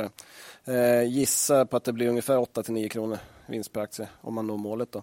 2021 hade man en vinst eh, på 10-23 och det var det vi tyckte var lite ja, jobbigt. då ska man liksom ner i vinst på Om man når sitt mål. om man når sitt mål. Ja. Mm. Det var ju det som vi hade emot. Mm. Det tyckte vi var lite tråkigt och det är en anledning till att vi har stått utanför nu eh, ett tag. Vi har kört lite... Ja, nej men precis. Kör bara. Och sen eh, Byggmax är ju nu rullande 12 ner på 7,37 då. Eh, så nu pratar vi långsiktig vinstökning igen. Eh, och vi har ju en, en, en prognos för 2022 på 5,90.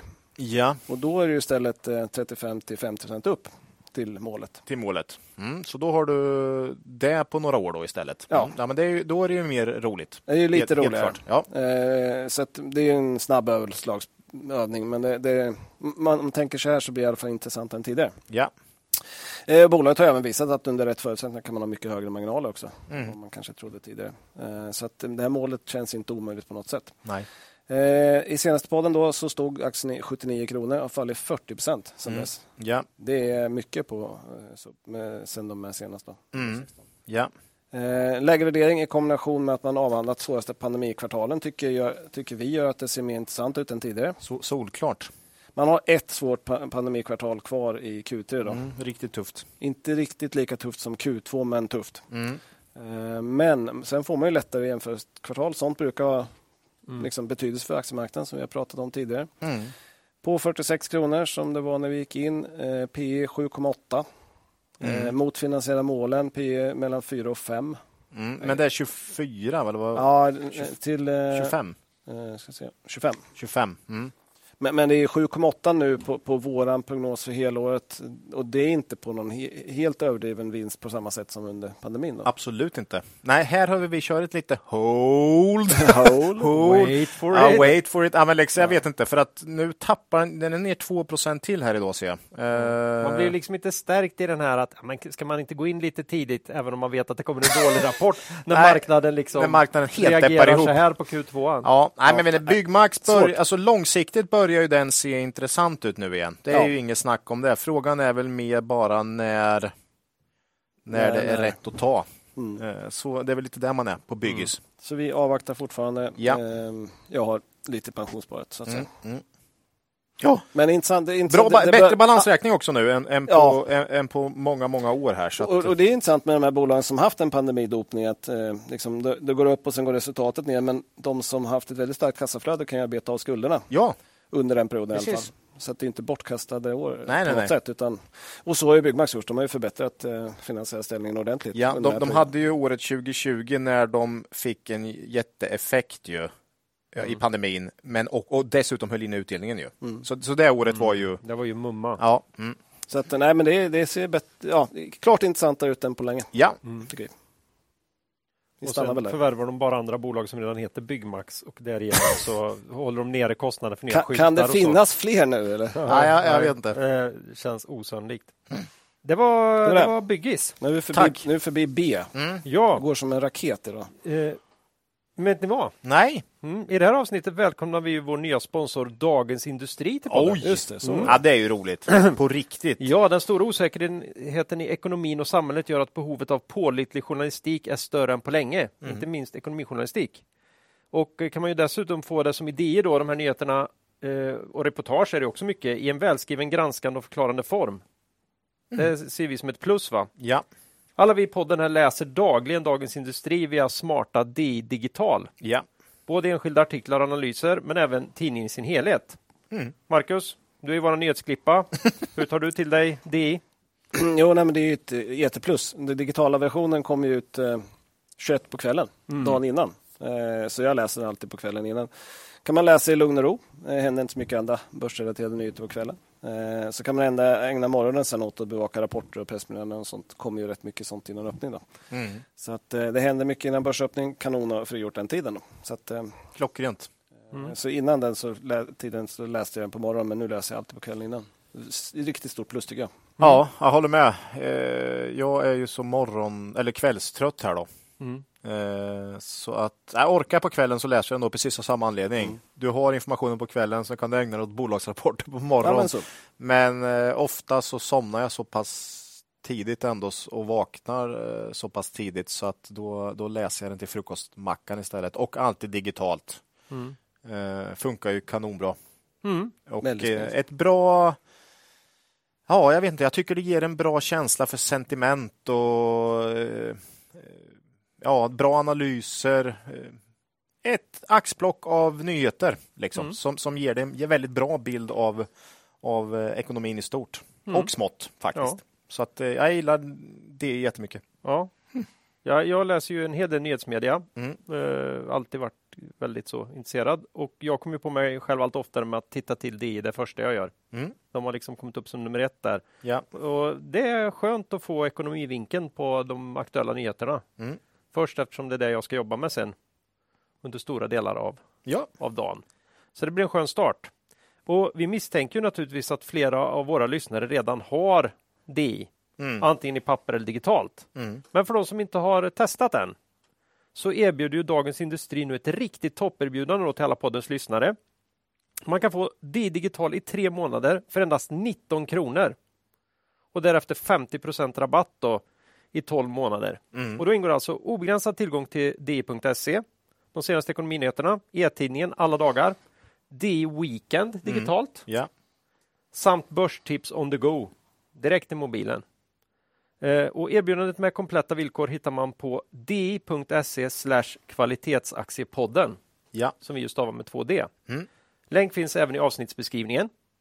Missa nu inte den här chansen att starta börshösten med bättre koll. Och då får ni det genom Dagens Industri direkt i mobilen och i datorn. Ja. Så är det. Paddan också naturligtvis. Ja. Alla sådana enheter ni bara kan hitta på. Jag, måste, jag sitter och läser på mobilen nu för tiden. Jag måste tillbaka till padda. Det blir lite smått tycker jag. Men, men eh, paddan är ju bra. Men mobilen funkar. Man lägger den ner så och sen så kör man. Ja. Kan ha någonting med det här med åldern också. Men vi, det kan vi ta Säg- sen. Det kan vi säg- ta sen. Nu, Nu var du, taskig. nu var du taskig. Ja. Ja, ja. Tack säger vi till vår sponsor Dagens Industri. ja. Då hoppar vi vidare till G5. Det här är ju mobilspelstillverkaren som flyttar allt mer av eh, försäljningen till egna spel. Ja. Och eh, 117 senast.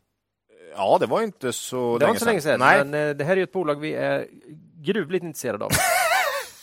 vi är tillbaka till det här med billigt, billigt men. Billigt ja. men, ja. Nej då. Nej, men eh, G, men G5. ja, G5 Entertainment, ja. Eh, det är ju inte heller, det är inte någon nyhet för no våra lyssnare tror jag. Eh, släppte en Q2 som var ett par procentenheter bättre faktiskt än vad vi trott på vad gäller omsättning i SEK.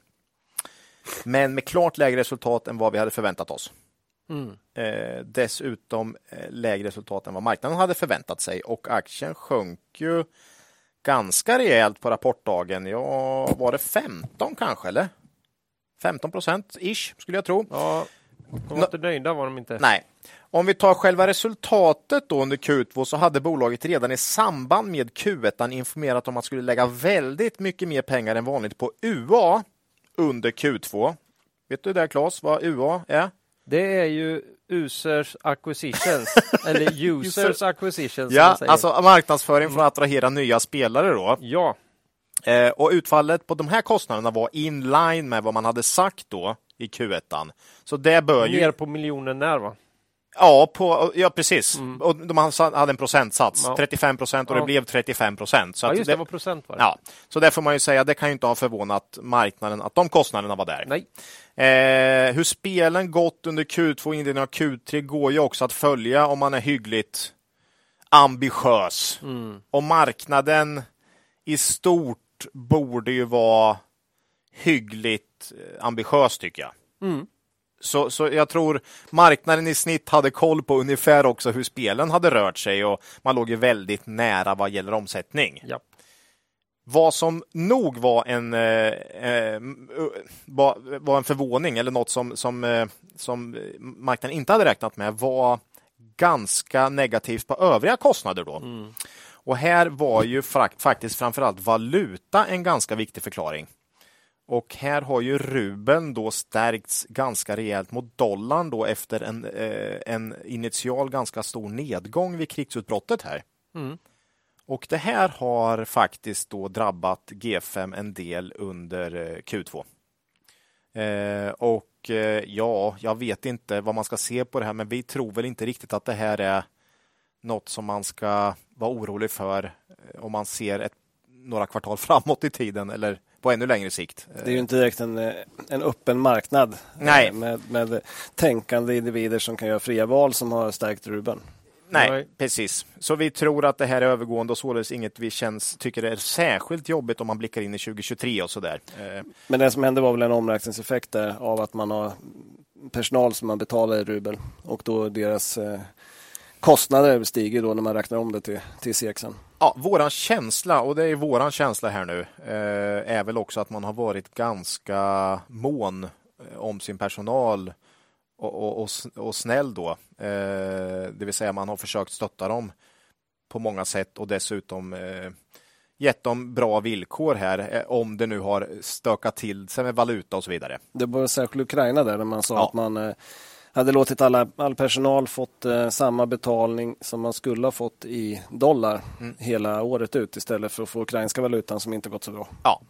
Så, så, kriget, det här är ju relaterat till krigsutbrottet. Mm. Det här mm. har ju drabbat G5. I Q1 var det 15 miljoner som man då spesade. Nu spesade man inte. Nej, och det var nog lite överraskande för det var nog det. Man... Men, men på något sätt har det ju ändå med hela den här utvecklingen i regionen att göra. Mm. Sen flyttar man ju också en hel del personal och det blir ju någon kostnad för det också, mm. såklart.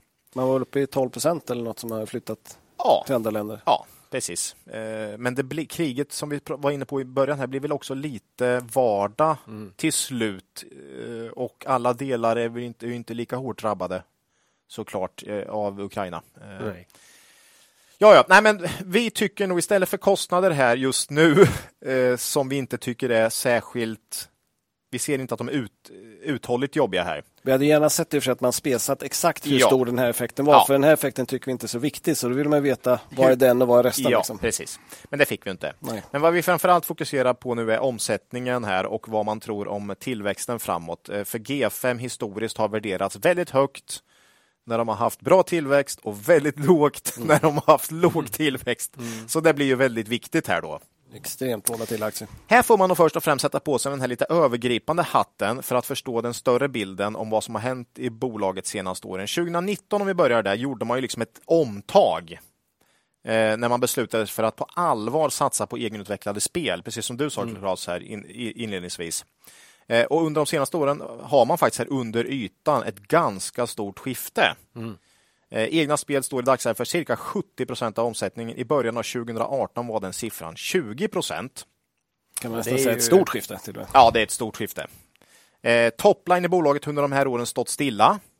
Men alltså under ytan har ju en stor förändring skett. Verkligen. Där de gamla licensierade spelen har tappat och de nya egna spelen har eh, vuxit.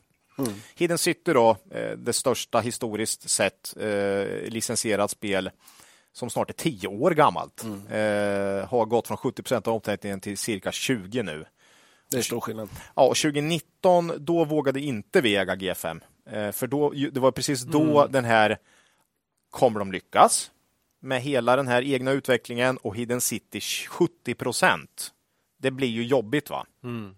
Ja, det är ju först nu när ett av deras egenutvecklade spel har fått riktigt stark traction som vi ja. har vågat oss tillbaka. Men framförallt äh, flera. Jo, jo Faktiskt. hela UL-serien ja, ja, som, alltså, som, grupp går ju ja, kanon. För 70 procent av omsättningen mm. och, och Sherlock, det här nya som har mm. vuxit snabbt här nu, det är ju 20 25 kanske. Mm. Så att det, det, jag tycker risken i G5 har kommit ner betydligt. Eh, dessutom är man ju mer sin egen lyckas med då. Mm. Om ni känner igen det gamla slitna uttrycket. uttrycket Nej, men alltså, eh, det är ing, det är Och marginalerna blir mycket bättre av det. det marginalerna framför det allt. Kollar man bruttomarginalen i G5 så har ju de ökat ganska rejält eh, sista åren på grund av att du inte behöver lämna ifrån dig royalties. Mm. Eh, då, då.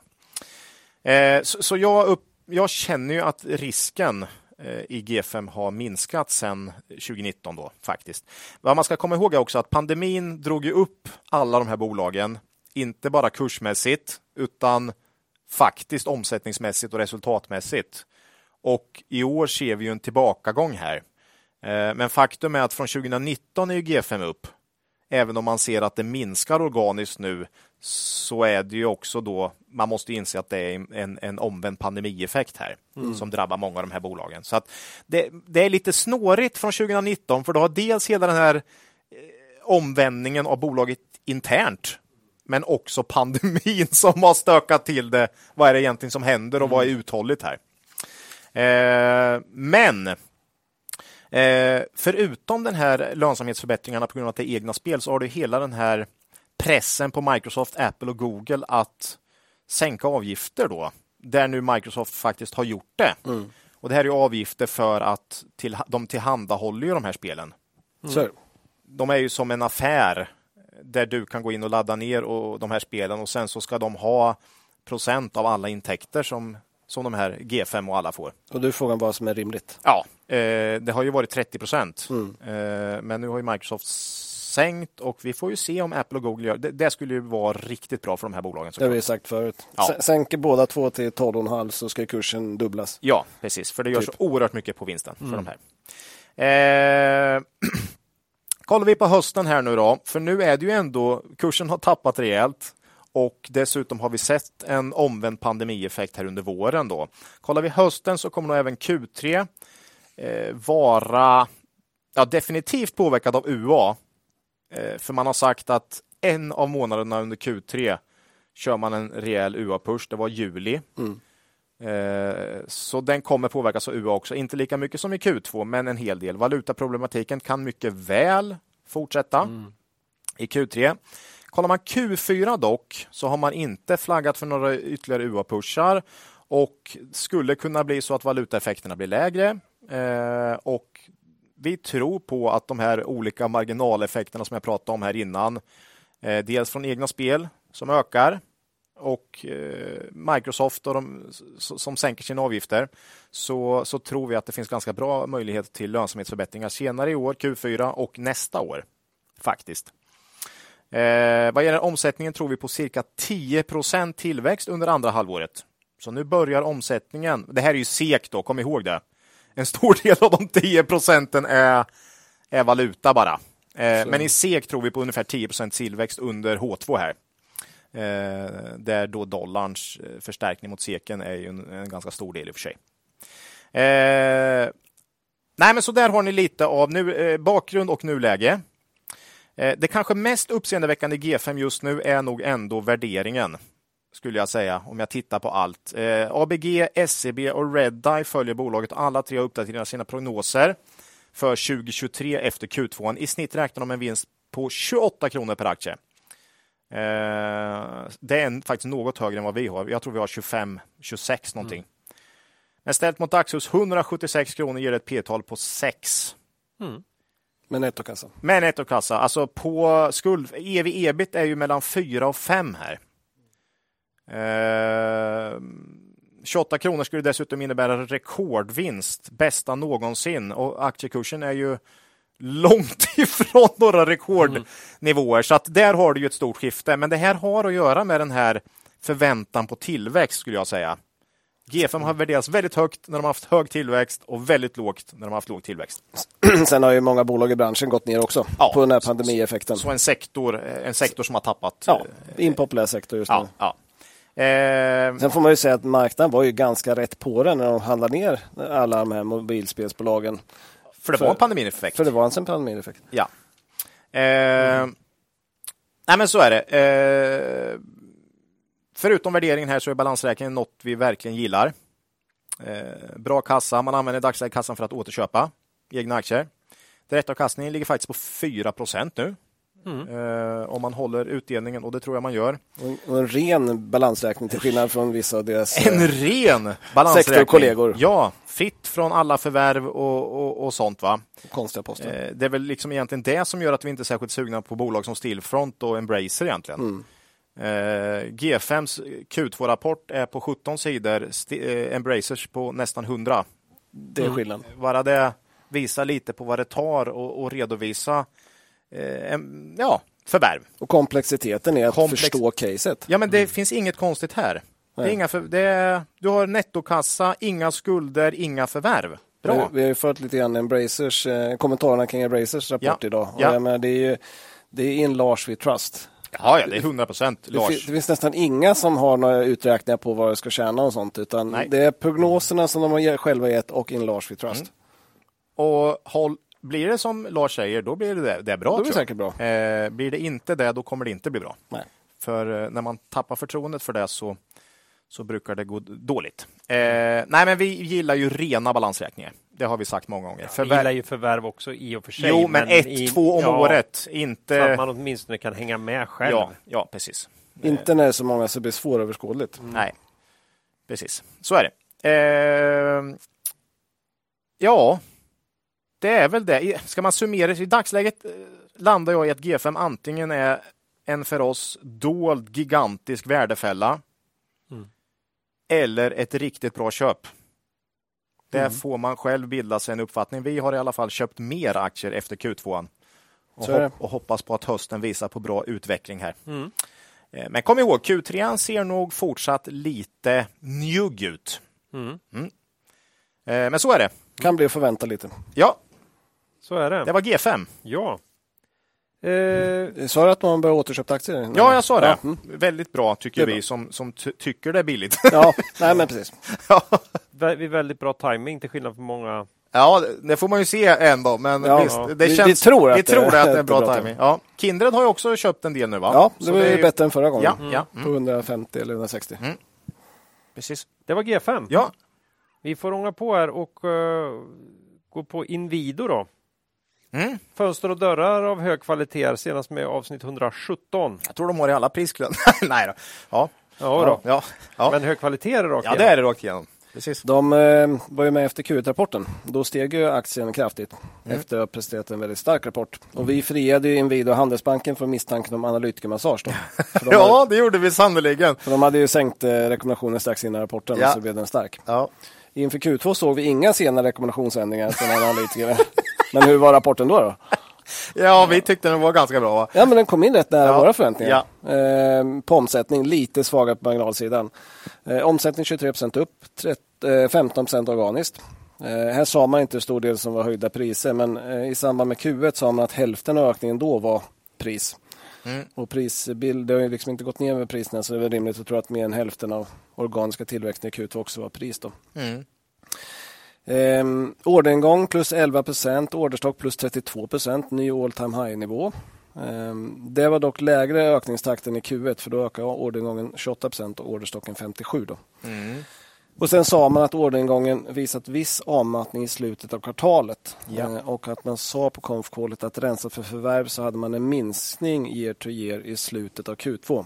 Här tror jag vi har lite förklaringen till varför marknaden blir lite orolig. Mm. Rörelseresultatet eh, 11% upp i Q2, marginal 11,6. Det är dock ner från 12,9 förra året eh, och lite under helår, sjuårssnittet på 11,8. Ehm, ja, det är rimligt att räkna med marginal under snittet framåt också. Det är frågan som Mm. vi står och brottas lite med. Ja. Eh, Man skriver i rapporten man ser hög inflation, ökade energipriser, högre räntor som påverkar konsumenten. Då. Eh, anger att man arbetar fortsatt med att aktivt höja priserna och höja pris, sina priser och kompensera sig för ökningarna. Då. Intressant kommentar på, på, som man lämnar var att man se, tyckte sig se att priserna hade stabiliserats på en hög nivå på slutet av kvartalet. Mm. Eh, På konfkåret fick man en specifik fråga om det och sa då att givet att man har en lagg på ett kvartal ungefär i prishöjningstakten så trodde man att man var i kapp i Q3, eh, slutet av Q3 ja, om det inte blir några mer prisökningar. just det. Och det vet man ju inte, men det här är ju nyckelfrågan. Det är nyckelfrågan. Eh, och det, det ska vi titta väldigt noga efter i Q3 sen. Mm. Tittar man på de olika affärsområdena så, så var det starkt i Skandinavien. Där var omsättningen upp 21 procent, ebitda-marginal Finland 15,1. I Östeuropa, där Finland ingår. Ja, Så Okej. Östeuropa med Finland. Då. Okej. eh, omsättning upp 30 procent, jättestarkt. Då. Orderbok 76 procent, men marginal 8,8. Då. Eh, och här sa man att man såg en viss avmattning mot slutet av kvartalet. Mm. Mm. Men som i Q1 så var sorgebarnet e-handeln. Eh, Det här är ju väldigt ironiskt då, för att det här var ju stjärnan med bäst lönsamhet fram till man bröt ut det som ett eget affärsområde. Ja, men pandemin, ja. Nej, pandemin har ju stört till det på så många sätt. Så är det ju. Ja, ja. Men, men det, det blir lite ironiskt. ja. Eh, Men omsättningen sjönk här 2% Det var ändå lite bättre än minus 12 i Q1. Mm. Eh, Ebitda-marginal från minus 4,2 i Q1 till 7,6 då i Q2. Ja. Så det går ändå bättre i Q2 än i Q1. Mm. Men man hade 20,6 eh, 20,4 förra året. Mm. Men det är ju pandemieffekten. Dopat. Ja. Det kan man säga så här i efterhand att det nog var lite, lite uppblåst. Ja. Mm. Men som sagt, ändå förbättring eh, Q2 mot Q1. Då. Om man sa att man i princip har löst de här produktionsproblemen man har haft eh, i Estland, då, i den här fabriken. Mm. Eh, och att man hoppas på en fortsatt förbättring under andra halvåret. Mm. Under första halvåret då, 2022 har man en vinst per aktie 5,74. Eh, ru- rullande 12 13,03. Eh, med nuvarande kurs 116, bakåtblickande P 9. Jo, nej, men det är ju ett av de här som har tappat med allt annat bygg. Ja, Mm. och det är ju lågt. Mm. Jag menar, Inwido har inte värderats så högt historiskt eh, heller, men snittet är ändå 13 de Ja. senaste 10 åren. Ja, ja. Så, så 9 är ju lågt. Mm. Nu är det bakåt då. Ja. Det är ju framåt som räknas. Eh, inte lika lätt. Vi har ju då gissat lite grann igen. Då. Ja. Eh, vi har tagit ner antaganden lite grann efter rapporten. Mm. mm, På marginalsidan där främst. Eh, gissar på vinst per aktie på 12,80. Men det är också P eh, lite drygt 9. Mm. Men det hänger ju på att marginalen inte faller igenom här. Då. Ja. Eh, Men, men vi tror inte riktigt det och eh, hoppas inte det. Så. För vi har ju fortfarande aktier i Inwido. ja. Eh, Vi är dock osäkra på marginalutvecklingen framåt. Mm. Och mot det står låg värdering i ett fint bolag i en nisch som vi tror har ganska bra möjligheter ändå framåt. Här kanske man får köra vänta och, Vänta. vänta.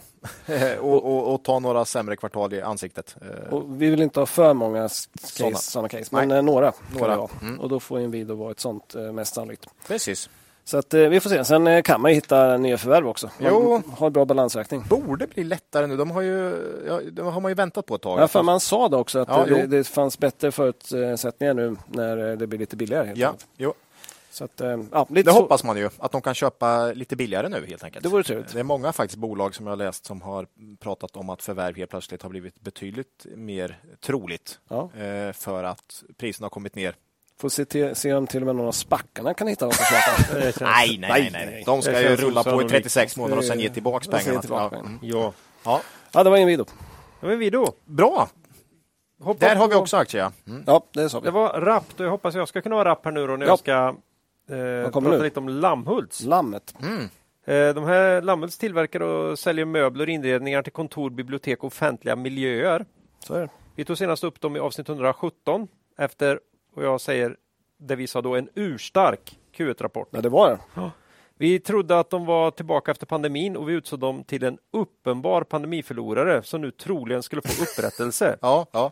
Det var det vi Eh, trodde. Vi konstaterar att P-talet var under 7 efter rapporten och det såg ljust ut för företaget om inte konjunkturen, och jag citerar Olle här, skulle haverera totalt. Ja. Eh, vi behöll våra aktier efter den här rapporten naturligtvis och hoppades på ett eh, starkt 2022 för Lammhults. Mm. Hur, hur blev det? Ja, hur blev första kontrollpunkten här i form av Q2-rapporten som kom den 15 juli, så det är en bit ett tag sedan. Jag tror jag vet. Ja, Jag Ja. kommer ihåg. Tyvärr är det här den största plumpen för oss under den här rapportperioden. Det. Bolaget ökar omsättningen jämfört med pandemisvaga Q2 2021 med 21 procent och rörelseresultatet eh, resultatet med 123 procent. Det Ja. låter ju toppen. ja. Men aktien föll 15-20 procent. Mm. Det var väl ett uselt Vi och marknaden då hade ju förväntningar satta då lite grann efter deras starka Q1 och att de skulle vara tillbaka på lönsamhetsnivåer som gällde innan pandemin. Mm. Och kanske lite till dessutom då efter den här fina Q1. Om vi istället jämför med våra estimat inför kvartalet som baseras på, eh, på det här då. Eh, så ja, vi utgick från att Q1 inte skulle vara en total outlier här. Mm. Då kom vi in 7% sämre på omsättningen, inte så farligt. Men Rörelseresultatet 80% sämre och efter ännu lite mer på finansnettot där, 99% sämre i vinst per aktie som de klarade med, ja, det, det var ju Ja, det är på håret bra. att det inte var negativt. en hårsmån. Det är inte så bra. Faktiskt. Nej. VD Daniel Tell då är ju naturligtvis inte nöjd med resultatet och säger i vd-orden citat Investeringar görs i varumärkesstärkande marknadsföring, digitalisering och själv eh, säljdrivande aktiviteter. Förbättringar görs även inom hållbarhetsområdet där viktiga områden är systematiserad uppföljning och utveckling av cirkulära produkter. Och cirkulära produkter utgår jag från är produkter de kan sälja om och om, om igen till en riktigt korkad kund eller vad tror ni det är? Så att, nej. Nej, jag tror att den- är rund helt enkelt. Den är rund. Ja, just det. De har ju lampor och sånt. Ja. Mm. Eh, brut bruttomarginalen är ju i stort sett samma då i Q2 som i det här eh, starka första kvartalet. Så det är inte det som är problemet. Och Nej. förra året. Ja, så rörelsemarginalen här har ju kommit ner kraftigt på grund av höga försäljnings och administrationskostnader. Ja, men det är väl de här grejerna han pratar om Mm. här. Eller, ja, men då började han med det Mm. för att åstadkomma någonting och istället sabbade han det han skulle åstadkomma.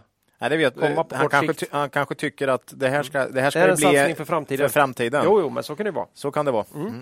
Mm. Eh, men det krävs ju försäljning då, omsättning i, i nivå med det som man presterar Q1 Mm. för att man ska kunna hantera det här så att det blir någonting över till sista raden då. Så att vi får ju se om bolagets satsningar enligt det här citatet eh, från rapporten kan generera Bära Eh, frukt så att säga. ja, en, en rejäl omsättningsökning då Mm. med, Ja. eh, med en bibehållen bruttomarginal framåt. Då. Annars eh, går det inte att försvara den nuvarande kostnadsmassan. Vi blev gravt besvikna på rapporten och vi känner att vi inte förstår bolaget i dagsläget. Eh, marginalen i, i Q2 har historiskt varit lägre än övriga kvartal, men inte så här dåligt. Nej. Eh, vi tycker att bolaget skulle behövt förklara bättre vad tappet bestod i. Finns det en säsongseffekt här? Hur funkar den? Liksom? Mm, ja. Skriv Nej, de ut har- det i sådana fall. De har inte skrivit något om det. Nej. Men, eh, Man om- pratar, om, man pratar om komponentbrist och dyrare frakt. Men eh, det tar, pratar man om redan i Q1. Ja, det borde inte vara nytt. Nej. Fraktpriserna säger de flesta andra har ju snarare blivit, börjat bli lite bättre. Ja, och åtminstone stabiliserats under Q2. Ja, Mm. Så de borde ju inte varit värre än vad de var under Q1 Ja, som var kanon. man tycker inte det. Eh, ja, så eh, det har blivit mycket värre nu. För man sa redan i Q1 att eh, negativa pandemi, pandemieffekterna som man levt med under två år hade avtagit. Mm. Vi tycker det är för stort tapp. Vi förstår det inte. Vi sålde våra aktier i bolaget efter rapporten. Mm. Vi trodde ju snarare att man skulle, det skulle gå bättre. Ja, Ja. Pandemiförlorare har man varit och man ser att det avtar i pandemieffekterna. Det var ju också det mesta går åt rätt håll liksom Mm. och så vidare. Mm. Det var vårt case och så fick vi det här. Mm. Ja. Vi tycker ju att vd Daniel Tell nu, han har suttit ett och ett halvt år här, så han borde vara varm i kläderna snart. Han måste få till en mycket mer stabil verksamhet. Eller, och också kanske bli mycket bättre på att förklara hur resultatet kan slå så brutalt mellan kvartalen. För att vi ska våga oss nära. Nej, men nästa kvartal kan ju bli mon- monsterbra. Ja, Just eftersom så att vi det- har ingen aning. Efter- Eftersom att det är så svårt, vi, vi har så svårt att göra prognoser här. Ja. I och med att vi inte alls hade koll på det här så kan ju lika gärna nästa kvartal bli superbra. Det, Mm. det, har vi inte en aning om. Men vi gillar ju inte när det blir så. Nej, det är skitjobbigt. Vi gillar inte det riktigt när man, när man inte kan göra prognoser som 80 procent sämre än vad vi hade väntat är ju inte, då, då har man ju inte riktigt koll. Och här, och här fick vi ju det här beviset. Eller så har vi inte koll, men då känner vi också att då, kan, då får vi ta något annat. Ja, då får vi ta något annat. Nej, men Då vi är kanske det... inte ska vara besvikna på bolaget. Det är Nej. oss själva, eller vi är inte så besvikna på bolaget som vi är på oss själva. Vi trodde att vi hade sett någonting, vi trodde vi kände Mm. Lammhults. Ja. Det gjorde vi inte. Fast Nej. marknadens reaktion tyder ju på att det inte bara var vi. Ja, Nej. fast oftast brukar vi säga att marknaden de är ju rätt korkade. Titta Ja, jo. hur de beter sig. Just nu när de råkar bete sig som oss, då, då är de sunda. Nej, men det är Nu ju, var ju vi har- en del av marknaden också. vi gjorde oss en bild här Ja. av någonting som uppenbarligen antingen var det inte sant eller så var det en, här en tillfällig svacka och då är det ju katastrof att inte vd bara berättar det. Mm, För då borde det vara uppenbart för bolaget att ja, Q2 här ser ju skit ut, men det är ingen, det är ingen fara för Q3 här. Man kunde ha beskrivit mycket bättre vad det Ja. berodde på. Och man blir nästan irriterad när man håller på och jämföra med det här jättesvaga jämförelsekvartalet och sa att det var en ökning i förhållande till Oh. Jo, men det är ju jättemycket ner från, från Q1. Det, är, det är den relevanta jämförelsen. Ja, man kan väl göra sig omaket, omaket att lägga till den informationen efter att ha haft den här pandemieffekten. Ja, alltså, och tittar man på deras historiska, vad man har sagt, så, så är det, nej, vi gillar inte. Det där tyckte vi inte om. Nej. Eh, och då säljer vi. Ja, det har vi gjort. Det var synd. Ja, det var synd. Vi hade som tur var inte jättemånga procent där. Nej, och det var vi också jättetydliga med i eh, förra podden, för det här är ju en väldigt tunn Mm. aktie. Så vi hade inte jättemycket där. Nej, Men synd ändå. synd. Mycket synd. Mm. Vi trodde faktiskt på det där. Ja. Eh, vi hoppar vidare tycker jag. Ja, den Ja, hoppa, tråkiga- ta, ta något annat. Från det här tråkiga. Note, Sveriges starkast lysande kontraktstillverkare som fortsatt går som tåget senast med avsnitt 116. Mm. Ja, Vad har hänt där? EMS-branschen.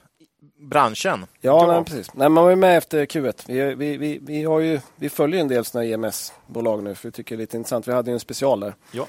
Och där får man ju säga att Note har ju varit den lysande stjärnan här eh, under en period. Fantastisk tillväxt. Enormt fint. Eh, man var med under, efter Q1 då. Marknaden belönar rapporten med en uppgång på 10 Det var ju lika positivt när Q2 kom då, kan man tänka sig. Ja, eh, Nej. berätta. Det var det inte. Va? Nej. Marknaden sänkte aktien med 9,5 Det är de här 10% kasten Ja. i väldigt många aktier nu. Alltså. Det är fascinerande att det varit så stora slag tycker Ja. vi. Ehm, Och det här var ju trots att siffrorna fortfarande var starka då, några positiva tongångar. Investerarikonen Charlie Munger har ju sagt att the first rule of a happy life is low expectations. Ja, jag, ty- jag tycker den är jäkligt bra, både i livet i stort och på aktiemarknaden. Och Ja, Den är verkligen klockren här då. ja, ja. För, för Not eh, fick på rapportdagen lida för marknadens höga förväntningar. Då. Jo. De hade inte low De hade expectations. levererat brutalt under många De kvartal och även om det blev bra nu så var det inte tillräckligt bra så att Exakt så. säga. Så att det, det var tufft i Munger. Och en annan då som har så låga expectations tänkte hur gör de när jag såg den här? Det här var ju det jag tänkte "Nå- nu. Nej, det går inte. Omsättningen upp rejält igen va? Ja. Mm, Nej, men VD Johannes Lind Widestam eh, kommenterar rapporten med att all in all it was a good quarter. Jaha. Men han sa att Q1 när den kom var ett fantastic quarter. Ah. Nej, men de är, eh, lite de är skillnad. jätteduktiga. Det gick från fantastic till good och det räckte inte för marknaden. Eh, omsättningen i Q2 upp 40 procent.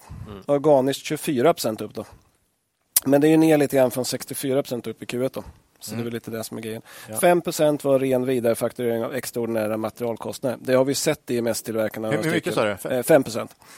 Eh, Där man ju får köpa in spot eh, och sen eh, fakturerar det till kunden direkt men har ingen marginal emellan. Så den omsättningen, man ska inte säga död men den är Så inte... har de, eh, att, eh, har de sagt att de inte får någon vinst på den? Eller? Nej, men det vet vi väl från andra. Ja. Det är svårt att se att man, man eh, kan Ja, ta ja. vinst bara på att man får prisökningar Ja, på det ja, man köper ja, in ja. som sen kunden tar. Mm, nej, precis. Um, rörelseresultat eh, 83 miljoner plus 39 procent. Mm. Men också lite nedväxling från Q1 där man hade resultatökning på 90. Eh, rörelsemarginal 9,3 procent, samma som Q2 21. Um, Not hade före det här ökat eh, rörelsemarginalen åtta kvartal i rad jämfört med jämförelsekvartalet. Då.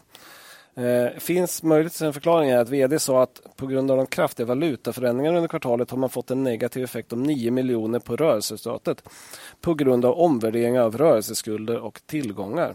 Mm.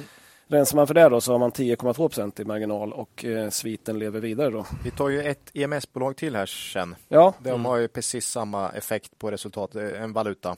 Smäll så att säga. men varför får man den på rörelseresultatet? Nej, jag vet inte. Det var Val- precis samma i Scanfil då. Ja. Mm. Eh, Är det någon där ute som, som är mycket bättre på det här än oss så får ni gärna skicka ett mejl till podden. Vi förstår inte riktigt varför det dyker upp här på rörelsenivå. Det brukar ju dyka upp eh, längre ner. Mm. Eh, så de får gärna berätta. Och det, det var inte jättetydligt i rapporten heller. Hur mycket var det? Eh, nej, det, det, det, var 9 miljoner. Men det I gjorde... Scanfil var det ju motsvarande 14 eller 15 miljoner sek. Ja. Så det... Ja, men det, det är lite väsentlig storlek på det. Ja. Då vill man ju förstå vad det är. Ja. Och det förstår inte vi riktigt. Håller med. Men det kan vara vi som är för korkade. Skicka in till podden. Ja, om, ni- om ni vet. Ja. Om ni tycker vi är för korkade. Nej, om ni vet. Ja, Nej, det, det kan om ni också. Vet, om de vet. Ja, Det blir sådana allmänna mejl. Allmänna mejl. Fan vad ni är dumma. Ja. Eh, bolaget eh, ser en stark tillväxt i alla fyra segmenten. Då. Inom communication som har sagt att eh, problemen relaterade till covid har lättat, så det är bra. Eh, inom green tech som växte 62 procent då, har man dock sett en avmattning i Storbritannien för regeringen har tagit bort subventioner för laddboxar. Mm, jo. Där har nog Note haft en del. Jag tror det har varit ett riktigt bra Ja, område för dem. ja. Mm. Sen tror de att den eh, avmattningen är tillfällig, då, men vi får se lite grann. Eh, Man säger att man ser stark efterfrågan från kunderna, har bra visibilitet på order ända in i första halvåret 2023. Då. Kunderna lägger allt fler order i förtid eh, och det är mer en fråga om att kunna leverera på orderna. Man ser fortsatta komponentbrister, har 500 miljoner kronor i backlog numera. Det börjar bli rätt mycket. Ehm, De har sett förbättringar på komponenter för konsumentprodukter. Men de sa att det var mest för att efterfrågan har minskat där så det är inte lika stort tryck där. Nej. Inte snarare att det har blivit så mycket mer komponenter. Ja. Eh, För på industrikomponenter där det är stor efterfrågan har man fortfarande inte sett eh, förbättringar. Man hoppas att det ska komma i, i H2 och framförallt i Q4. Ja. Man fick på konfkollet en fråga om det här målet om att omsätta 5 miljarder eh, som de har är lite väl konservativt när det går så bra som det går för dem. Eh, VD sa att så kan det vara. Vi har överlevererat så här långt och det kan vara läge att se över målet i slutet på året. Och sa också att man skulle kunna nått en försäljning om en miljard per kvartal om man hade fullt med komponenter. Ja, men nu ser vi på noten. Eh, rapporten lite svagare än vad vi gissat på. Eh, vi har inte gjort så jättestora förändringar för, för andra halvåret ändå. Eh, bolaget håller kvar sina helårsprognoser också. Eh, vi gissar på en vinst per aktie på 9,05. Eh, aktiekurs 192 kronor, P 21. Ner lite grann, eh, men med dagens börsklimat är det ju inte jättelågt. Nej. Eh, Men, men, det- väldigt stark tillväxt är det ju. med stark tillväxt, fint bolag ska ha hög värdering. Ja. Eh, Men vi har inte köpt några aktier i bolaget. Det är lite lurigt nu för nu går man upp mot jäkligt starka Q3, Ja, det Q4. det. Mm. För då börjar det gå riktigt, riktigt bra för dem. Så att vi, vi fortsätter bevaka. Se om man kan nedgång i aktien kan ge läge för en långsiktig investerare. Mm. Mm. Men jättefint bolag. Det Är med, med, med i buy and hold 2020. Mm. Mumma. Det är bra. Mumma. Ja. Fint bolag. Ja, kul.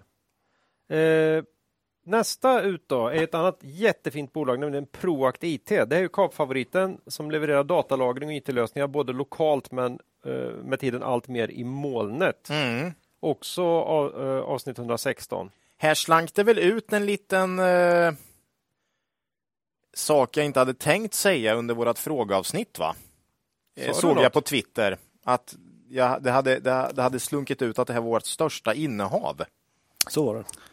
Ja, men det blev ju så per automatik. Vi ska ju återkomma till det, men du och jag offrade ju Proact för att vi vägrar äga Det, ja, det var, vägrade ja, just det. SAS. Så var det ja. Just det. Ja, ja. Mm, just det, så var det ja. ja det kom, återkommer till. Ja. Det ska vi redovisa här så småningom.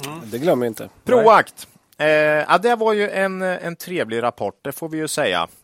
Proact står nu i 87 kronor, precis samma som vid årsskiftet. Min känsla var att de hade gått upp, men det har de alltså inte gjort. Svagt innan. Ja, eh, då hade de ändå kommit med en vinstvarning där. Eh, I, ja. Eh, Proact har vi pratat om så här många gånger så att jag vet inte. Jag, jag tänkte ta det här ganska kort. Så. För nya lyssnare bara, en snabb grej här.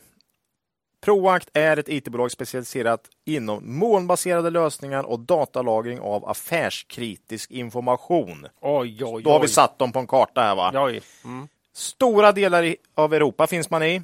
Eh, kunder från vitt skilda branscher, inte minst offentlig sektor. Där! Två meningar. Proact. Mm. Eh, Proact med vd Jonas Hasselberg här då släppte en mycket fin Q2 får man säga. Omsättningen steg med 31 procent. Varav organisk eh, 21. Det är bra. Eh, ebit ökade med 86 procent. Nya avtal avseende molntjänster tecknades under första halvåret till ett totalt värde på 263 miljoner. Upp 75 procent mot föregående år. Proact under pandemin sagt att det varit svårare att få avslut. Och kanske det där man nu ser då i någon form av eh, återgång här då. Att man kan få kunderna att teckna långa kontrakt. Eh, kanske svårare över telefon som man brukar säga, eller video. Mm. Eh, återkommande intäkter i Q2 motsvarar nu en årstakt om drygt 1,4 miljarder. Det här det är mycket alltså. Mm. Eh, det här är bra jobbat och det här har man jobbat länge för att kontinuerligt få upp. Då. Eh, och de här intäkterna bör ju värderas högre än de här lite mer volatila systemintäkterna som man har mm. med lite lägre marginal på dem. Eh, och systemintäkternas slagighet här, den har vi pratat om förut och vi tror ju att det är något som börsen historiskt haft väldigt svårt med. Eh, och eh, att de nu totala tjänsteintäkterna närmar sig 50 procent av omsättningen bör vara väldigt positivt för börsens syn på Proact. Det borde bli stabilare. Det borde bli, för börsen gillar ju inte ryckighet. Nej. Även om resultatet inte har varit lika ryckigt som som omsättningen så är det ändå något som hela tiden Ja, om man, om man inte följer bolaget jättenoga så, så blir det jobbigt. Liksom. Mm. Jaha, vad händer här nu? Liksom? Eh. Om man drar ut trenderna lite långt kanske. Ja. Att, eh... mm. eh, kollar man just på systemintäkterna här så ökar de ganska rejält under första halvåret. Så det är ju en bidragande. Effekt till att omsättningen ökar mycket.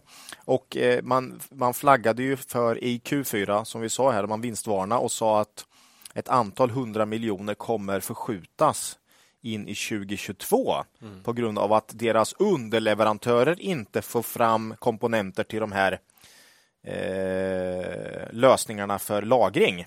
Mm. Eh, så, så de här intäkterna har kommit nu istället. Så det är ju liten efter, eh, liksom, kommer lite extra här då i år. Orderstocken var nu dock vid, vid halvårsskiftet fortfarande betydligt högre än normalt. Så man har fortfarande en, en väldigt bra orderstock på, på system. ABG och Redeye eh, följer Proact och här tror de i snitt på 7 kronor i vinst per aktie för 2023. Det ger på kurs 87 ett P på cirka på drygt 12 Eh, på innevarande års förväntade vinst landar PE på knappt 14, alltså på 2022 års förväntade vinst. Då. Kollar man historiskt har Proact ökat vinst med aktier på drygt 15 procent per år under de senaste tio åren enligt börsdata. Mm. Det är ju bra siffror, mm. eh, riktigt starkt. Och Det här är en utveckling vi tror kommer fortsätta, eller kan fortsätta kanske man ska säga. Eh, kan man hålla 15% årlig vinsttillväxt framåt så är P 12 på 2023 års förväntade vinst billigt. Proact har också värderats till cirka P 17-18 i snitt historiskt senaste 10 åren enligt börsdata med. Det är mm. fantastiskt att man kan få fram sånt där på börsdata. Så lätt. Ja, en hel del inköp, eh, insynsköp faktiskt efter Q2 här. Så eh, det är de gillar vad de ser också. Ja, och visst ja, ja, det ger ju, jag gillar det. Det är alltid kul när flera olika köper. Mm. Eh, det känns bra. Eh, Proact har en bra balansräkning med låg skuldsättning och det är viktigt eftersom man brukar göra något förvärv per år. Eh, och eh, nu senast var det tyska Sepago. Vet inte om det uttalar så alls, men Sepago. Och det här kommer då in i räkenskaperna redan nu från Q3. Eh, det känns mycket intressant. Bolaget skrev ganska mycket om det här i, i kvartalsrapporten också, så jag tror man gillar det här förvärvet. Tyskland är också en viktig marknad. Eh, Sepago har också klart bättre lönsamhet än Proact i mm. övrigt så att säga. Så Vi hade väl uppe det under Aktuellt tror jag. Mm, ja. Direktavkastningen är inte mycket att hänga i julgranen här, 1,7 procent. Eh, men som sagt, man använder en hel del av kassaflödet till, eh, till förvärv. Eh, summa summarum här då, runda av Proact. Eh, vi har samma syn på Proact som vi har haft under väldigt lång tid. Det är inget nytt. Det här är ett välskött IT-bolag. Intressant nisch tycker vi. Spännande framtid. Eh, och nu har man dessutom rejält med återkommande intäkter. Det här tror vi är lite av en... Det, det här är en viktig sak för oss. Mm. Eh, för vi tror också det kan ändra börsens syn på Proact. Eh, Känns inte som marknaden riktigt uppmärksammat Nej, jag tycker inte det. Och när tjänster är 50 procent, helt plötsligt det, det kommer. Mm. Det, det, är våran tro i alla fall, att det här kan också göra att börsen blir, börsens syn på Proact ändras faktiskt. Eh, vi tycker fortsatt att värderingen av aktien är för låg, både om man kollar på bolagets historiska prestation och bolagets möjligheter till framtida tillväxt. Vi äger fortsatt aktier i Proact då. Mm. Så, eh, så ja, men det var ju en av, vår, det var ju en, en av de roligare rapporterna för oss i, i rapportperioden. Det får man mm. säga. Mm. Det var kul.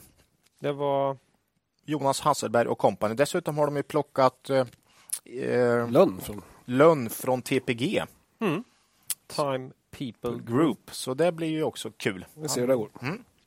Nej, men jag sitter och funderar över liksom vilken stämning det måste vara i ett bolag för att det ska börja liksom stå breda insynsköp. Att, Ja. att det är flera stycken som börjar liksom. Ja. Det innebär, för det är ju för att man pratar om det. De sitter ju inte var och en på kammaren utan det här är något man snabbt, fan vore det inte läge att köpa lite nu? Nu är det kul. Eller ser någon att någon köper och sen... Eller är det så att det finns, precis, ja det var det. Eller finns det någon sån här liksom eh, Fan, nu köper Bosse! Han någon har, ledare där?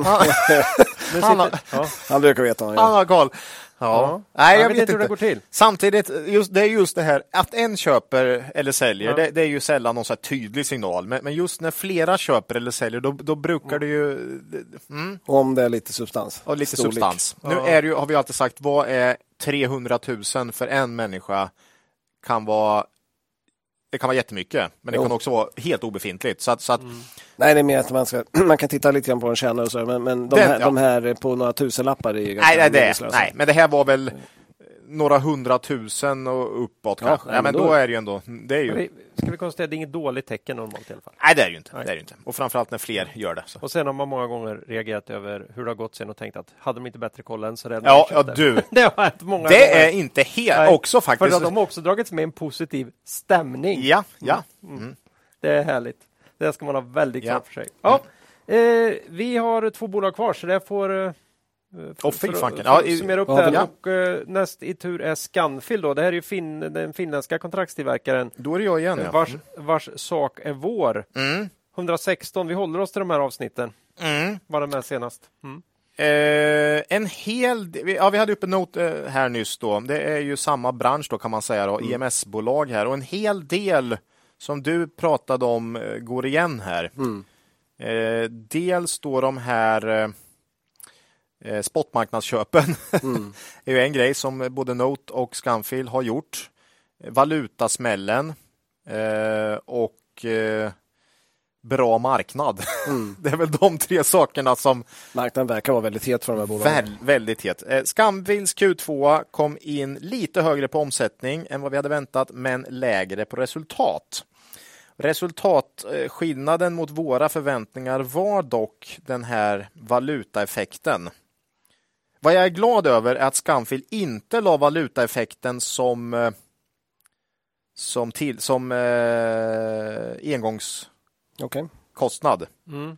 För det tycker jag alltid de bara berättade att så mycket var valuta, men de tog inte upp det som någon Nej. engångspost. Liksom, för jag tycker inte det ska vara det heller. Eh, Alltså valuta svänger alltid. ja, för det- ibland får du på... Alltså, Ibland slår det åt andra hållet. ja. Men vi vill ju att de berättar så Ja. att man kan veta vad som är vad. Men det var väldigt eh, mycket. Det var ju över 10 procent på resultatet det gjorde. Eh, omsättningen fortsätter öka rejält i Scanfil, plus 23 procent. Här är det dock viktigt att påpeka, precis som i Note, att det är ju en hel del av de här köpen, framförallt halvledare som man köper in på spotmarknaden och skickar vidare till sina kunder utan avans.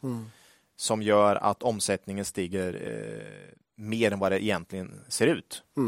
Underliggande, för man höll på med det här hela 20, 2021 också. Ja, det är ju så i branschen. Stor Ja. efterfrågan, folk vill ha komponenter liksom. Ja. Eh, så underliggande var tillväxten 11 procent. Eh, om man då justerar för årets eh, sådana här inköp och motsvarande kvartal förra årets sådana inköp. Mm. Eh, och en konsekvens av det här ovanstående är ju då såklart att marginalen pressas. Eh, för man har ju ingen avans på den här omsättningen. Scanskild själva tror precis som Note, eller hoppas, jag vet inte vad man ska säga, att det förbättras mot slutet av året då. Så det var också likhet med Note där. Eh, vad gäller efterfrågan så verkar den vara fortsatt eh, stark och Scanfil har faktiskt ökat produktionsytan ganska rejält under första halvåret 2022 här. Det är också gemensamt med flera av de andra EMS också. Mm. De, de ser stark efterfrågan, de utökar.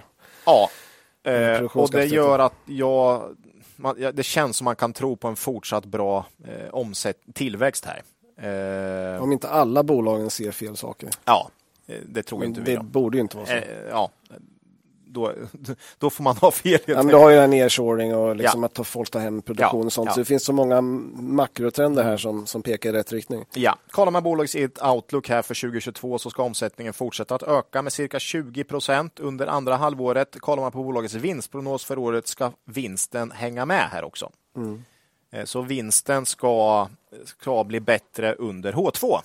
Man har väl höjt prognosen för omsättningen några gånger och låtit vinsten vara kvar. Ja, och det är mycket för att hela omsättningsökningen kommer från de här spot.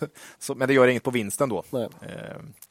Eh, För nästa eh, år räknar vi med ungefär nolltillväxt topline faktiskt.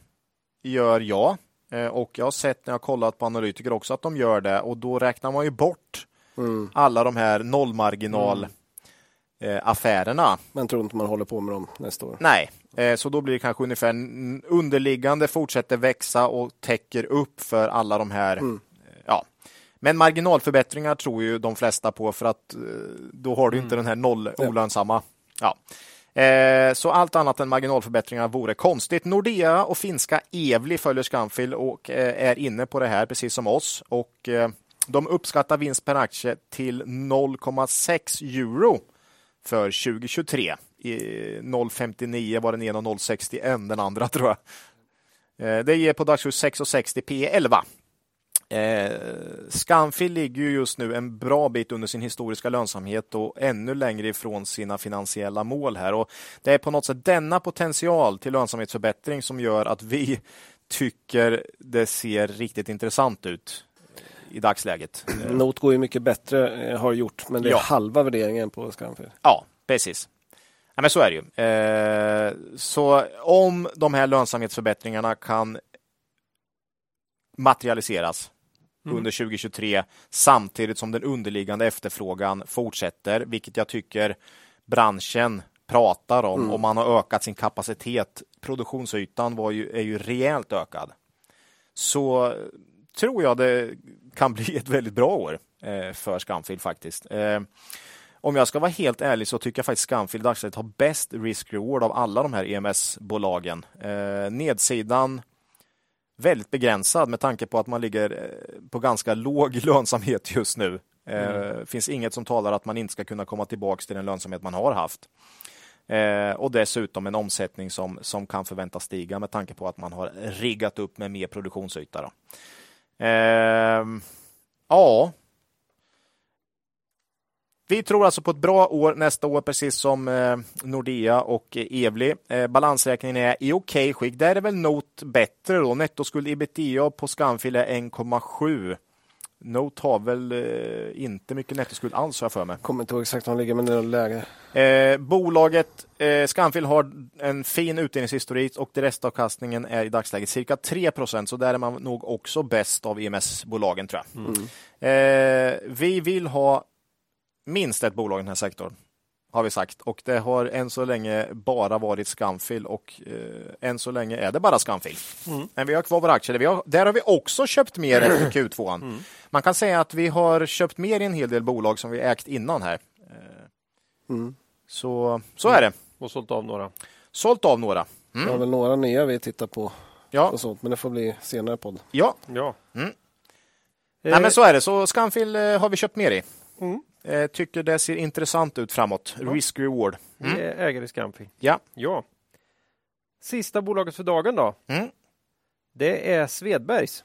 Ja, Badrumsinredningsföretaget eh, som nyligen nästan dubblerades i storlek efter förvärvet av Roper Rhodes i Storbritannien. De levererar sin Q- eh, Q2-rapport i mitten av juli. Vi ser ett tema här för vilka rapporter jag har tittat på.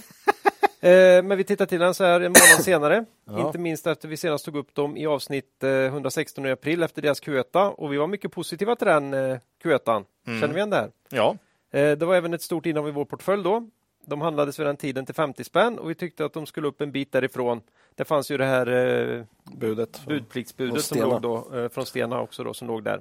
Mm. Eh, De skulle upp en bit därifrån utifrån den starka Q1-rapporten. Eh, Q1-rapporten då, den hade en eh, organisk tillväxt på 13 procent och rörelsemarginal på nästan 14 procent. Ja, bra. Då slog de våra förväntningar med råge. Tyvärr då så blev även den här Q2-rapporten en besvikelse för oss. eh, med en omsättning som nästan var, den var nästan en line, men ett rörelseresultat som var 16 procent under vår förhoppning och en vinst per aktie som kom in nästan 30 procent under vad vi hoppats på. Mm. Det kan vara så att våra marginalförväntningar var för höga efter den starka Q1. Eh, för eh, rörelsemarginalen i Q1 steg från föregående år eh, till 13,9 procent. Mm. Föll i Q2 eh, tillbaka till 12,5. Mm. Det vill säga ner från Q1 ordentligt Mm. och, och ner från eh, Q2 2021. Mm. Då hade man alltså Q2 2021 hade man 14,7 procent i rörelsemarginal. Det måste vara det högsta man någonsin Jo, men haft. d- d- nej, de har ruggigt bra lönsamhet för 10-15 år sedan. Ja, okej, men, du men, har ju i- alltid det där i minnet. ja. Nej, men, men alltså, min, min, min värld börjar ju 2017. här. Jo, jag vet. Och, men men, men det, många bolag hade ju riktigt stark lönsamhet Ja. förra året. Mm. Det var ju så. Jo, men sen, sen var ju Q1 väldigt starkt så man trodde Ja. kanske att de skulle hålla uppe Mm. bättre marginaler än Ja. vad de gjorde. Ja. Eh, Man talar om ökade materialpriser och fraktkostnader som man inte hunnit eh, kompensera för i priset till kund. Eh, och känns lite oroande att det slog så hå- hårt så plötsligt i Q2. Mm. Då, de här fraktpriserna har ju varit höga under en längre tid. Ja, vi var inne på det förut också. Det, det känns inte som att det har skett en radikal förändring av fraktpriser åt det sämre under Q2. Men vissa bolag verkar ha fått, ja i alla fall skylla på det. Mm. Så är det, är det kostnadsinflation i deras, i deras eh, inputvaror som Mm. börjar bita in, in i marginalen här. Ja, man börjar fundera på det, om det inte är det. Mm. Insatsvarorna här. Ja. Eh, bolaget växer 6% organiskt. Det tror ju vi är till stor del, eller kanske hela, från prishöjningar. Man har inte, man har inte redovisat vad Nej, man spesar inte det tror jag, men nej. det är väl rimligt att tro. Man pratar en hel del om prishöjningar. Eh, Det är ju svårt att titta på liksom jämförelse i övrigt här. Eh, Vinsten steg i kvartalet med 83 procent. Mm. Och det är på grund av förvärvet av Roper Roads. Ja. Och det stöker ju till jämförelserna rejält. Vinst per aktie kan man ju dock kolla på. Mm. Vi tycker oss se en tydlig försämrad framtidstro i vd-ordet. Mm. Där man nu fokuserar mycket mer på tuffa tider. Mm. Och man har ju efter förvärvet en relativt stor skuldsättning Mm. med befarat högre räntekostnader på sikt. Mer in, eh, inputprisinflation Verkar, verkar det vara. och snabbt försvagad köpkraft hos kunderna. Mm, ja. Mm. Vi fick ju skriva ner våra förväntningar framåt på, i bolaget här. Eh, och eh, även, även marknaden var ju rejält ljummen i sitt mottagande av rapporten och kursen eh, sjönk vidare här från redan pressade nivåer. Eh, för de hade varit med ner rejält under den här sommarbäsen vi hade. ja, det var ju också hela bygg och... Ja. Ja. Mm. Eh, vi har ju lagt en, det har du redan tagit idag, men vi har ju lagt den här begränsningen på 20 i, Mm. i, i portföljen byggrelaterat. Och vi och då släppte vi. Vi släppte Svedbergs. Mot eh, Nordic Waterproofing och nu har vi inget men av det gick ju åt skogen, för vi hann ju liksom inte riktigt. Nej, Så det blev... eh, Vi, det Nej var- men vi fick in 3% i Nordic eller något, va? Ja. 3-4 procent. Så det blev en helt okej affär, men det blev Ja. ju lite konstigt. Ja. Det blev lite konstigt. Det var inte riktigt så vi Men tänkte. jag tyckte inte Svedbergs, det var, det var ingen katastrofrapport, absolut inte. Det var inte så, men, men, men det Absolut kändes ändå som inte. att Nordic Waterproofing var ett bättre case med taktätning än badrum, Ja. just som det kändes. Eh, Något mindre direkt till. Men jag säger inte att vi inte äger Svedbergs igen innan årsskiftet. Det, ja. Ja, vi får se Nej. hur Q3 ser ut. Eh, Ja. Därför, eh, med allt det som vi har sagt där så är vi fortsatt positiva till Svedbergs Mm. som bolag. ja, Och, värderingen ser låg ut om man lyfter blicken faktiskt. Ja, Q2-rapporten var ju okej under rådande stökiga omvärldsförhållanden. Ja, tycker jag. Alltså, det är ju, ligger lite på oss också att vi bara förväntar oss att man ska kunna hålla en sån här omsättningsnivå. Mm. Eller eh, Marginal, marginalnivå. marginalen var den mesta, st- Mm. största delen. Eh, vi kommer ju följa utvecklingen noga här. Ja. Q3-rapporten blir riktigt intressant på temat hur deras prishöjningar har kunnat kompensera för högre inputpriser. Mm. Här vill vi se förbättringar. Eh, Det finns väl risk att Q3 blir lite svaga från en hel del bolag tyvärr. Mm. Men, det ser ut så. För sen kom ju Q4 nämligen Mm. och det jämförelsekvartalet är ju stökigt sen förra året med många engångsposter Ja. och var ju inte superstarkt. Nej. Eh, Så att det, Mm. det kommer de kunna slå förmodligen om prishöjningarna genomförs som planerat. Ja. Framåt årsskiftet har vi ju sett mycket mer vart världen konjunkturmässigt Ja. är på väg också på något sätt. Så att, Så Ja, från, Och från, räntor och så vidare. och räntor, ja. Ja, ja för räntor. Mm. Dels drabbar det ju Svedbergs kunder Ja, ja. eh, och bostadspriser, men också i deras eget finansnetto. ja. Eh, så att det är ju det. Kundernas möjlighet att låna till att renovera ja, badrum. Ja, ja. Eh, kundernas Mm. vilja att låna överhuvudtaget och sen eh, kostnaden för de lån som Svedbergs faktiskt har här. Ja. Eh, så, så är det. Eh, vi äger ju ingenting i Svedbergs längre Ja, i, jag har bolaget. lite privat tror Ja, jag. det jag, jag har kvar i Men vi har alla också. tre det här i pensionsspar och Ja. annat privat. Mm, Så, precis. så att eh, vi är ju inte så... Nej, jag tror att dessutom har mer än i pensionsspar. Jag, jag, det, det, det, jag har en hel del i Svedbergs. Ja. Ja. privata. Så kan det vara. Ja. Det var alla bolagen. Men vi avvaktar lite film Mm, ja. just nu. Då närmar vi oss eh, slutet Ja. för det här poddavsnittet. Ja, Nästa avsnitt är 124, kommer ut torsdag den 1 september. fy fan. Det blir ett rapportavsnitt till, Eh, kanske något höst. kortare än det här. Mm, mm. Eh, Man kan mejla oss på kontaktet kvalitetsaktiepodden.se eller kommentera på Twitter eller på vår hemsida kvalitetsaktiepodden.se. Då är frågan, har vi någon riktig makro eller tea värt att ta upp idag? Ja, vi har ju snackat inflation och grejer här, så det... Vi har, vi har täckt makro. vi har tänkt... Då har vi tänkt makro Nej idag. Nej, Men men, du har något annat kanske? ja, vi hade ju det här med, med SAS va? Ah, just det. Vi fick, Det får man, får missa. lyssna, man får ju lyssna här då på, för två avsnitt sen. Tog vi ju Var det i- frågepodden i- eller var det- nej, det var 21 innan. 21 Just det. tog vi ju den här eh, härliga lyssnarfrågan. Det var smakprov på frågeavsnittet. Du får nästan, vi får nästan upprepa den frågan, va? Ja, det var ju, den var ju lite knepig, men Mm. vi, var, vi var tvungna att göra ett val. I det läget då, där, man, där SAS var... Man, Hatobjekt nummer ett. Ja, Mm. så fick vi välja om vi vill, skulle ta 30 procent i SAS och hålla det en månad. Ja, 30 procent av vår portfölj. Ja, I en månad. i en månad. Ja. Eller så fick vi sälja och aldrig äga. Vårt största innehav igen. Ja. Mm. Eh, Du och jag, Jag Claes, vi offrade- valde, vi offrade vårt största som Ja. var Proact då. ja, vi offrar Proact. Och Det var då också våra lyssnare insåg att det var Proact. Ja. Och sen så Marcus Ja, gick på det The andra. Gambler. The Gambler gick på det andra alternativet och plockade in SAS. Och jag kände Hur att det nej, gått? jag ville ju inte göra mig av med största innehavet. Nej, nej. Så jag chansar på SAS. Hur, hur har det gått? Var det en månad? Det var en månad. Ja. 7 juli, när podden kom, stod SAS i 48,50 öre. 48,5 öre. Öre, det är så jävla Ja. bra. 48,5, det är ett riktigt kvalitetsbolag. Ja, ja. 30 dagar senare stängde aktien på 64,5 öre. Det är ju, det är ju för jävligt. Uppgång på 33 procent. Och för de pengarna köper du tillbaka Köper jag tillbaka allt i Proact och mer. Och, och för vinsten också. och berättar det för er varje dag. Ja. Sen. Nej, jag har inte gjort det. Jag har inte gjort det här på riktigt dock. Nej, det gjorde inte jag heller. visst, Så att, nej, men nej. eh, det hade ju varit, eh, det, vi var ju tvungna, väldigt kul fråga. Vi var ju tvungna Mycket svara, kul så fråga. att- Men, men eh, strejken tog ju slut den 19 juli. Det var ju en bra Eh, grej för Det SAS. hjälpte dig lite. Och då fick de igenom att piloterna lovat att inte strejka igen på fem år. Det är ju fantastiskt. Va? Nu är ju SAS räddat. Ja, det nu kan det bara bli bra. Ja, Eller nej, kom- just det, kanske nej. inte. Men- nej, vi, vi skojar ju bara. Det, det vi har ju en väldigt stark säljrekommendation på SAS. Ja, det har vi väl haft länge. Hade vi inte haft den här skojfrågan hade vi inte mm, pratat om SAS. Nej. Eh, Jakten på pengarna kommer innebära en, en stor utspädning för aktieägarna. Kan bli helt raderade. Det är inte säkert att det går att rädda bolaget överhuvudtaget. Vi valde alternativet på skämt. Eh, sälj SAS-aktier om ni har några. Ja, lite synd, för jag gillar SAS som bolag att flyga med. Men, ja. Man måste inte köpa aktien. ändå. Nej, så är det.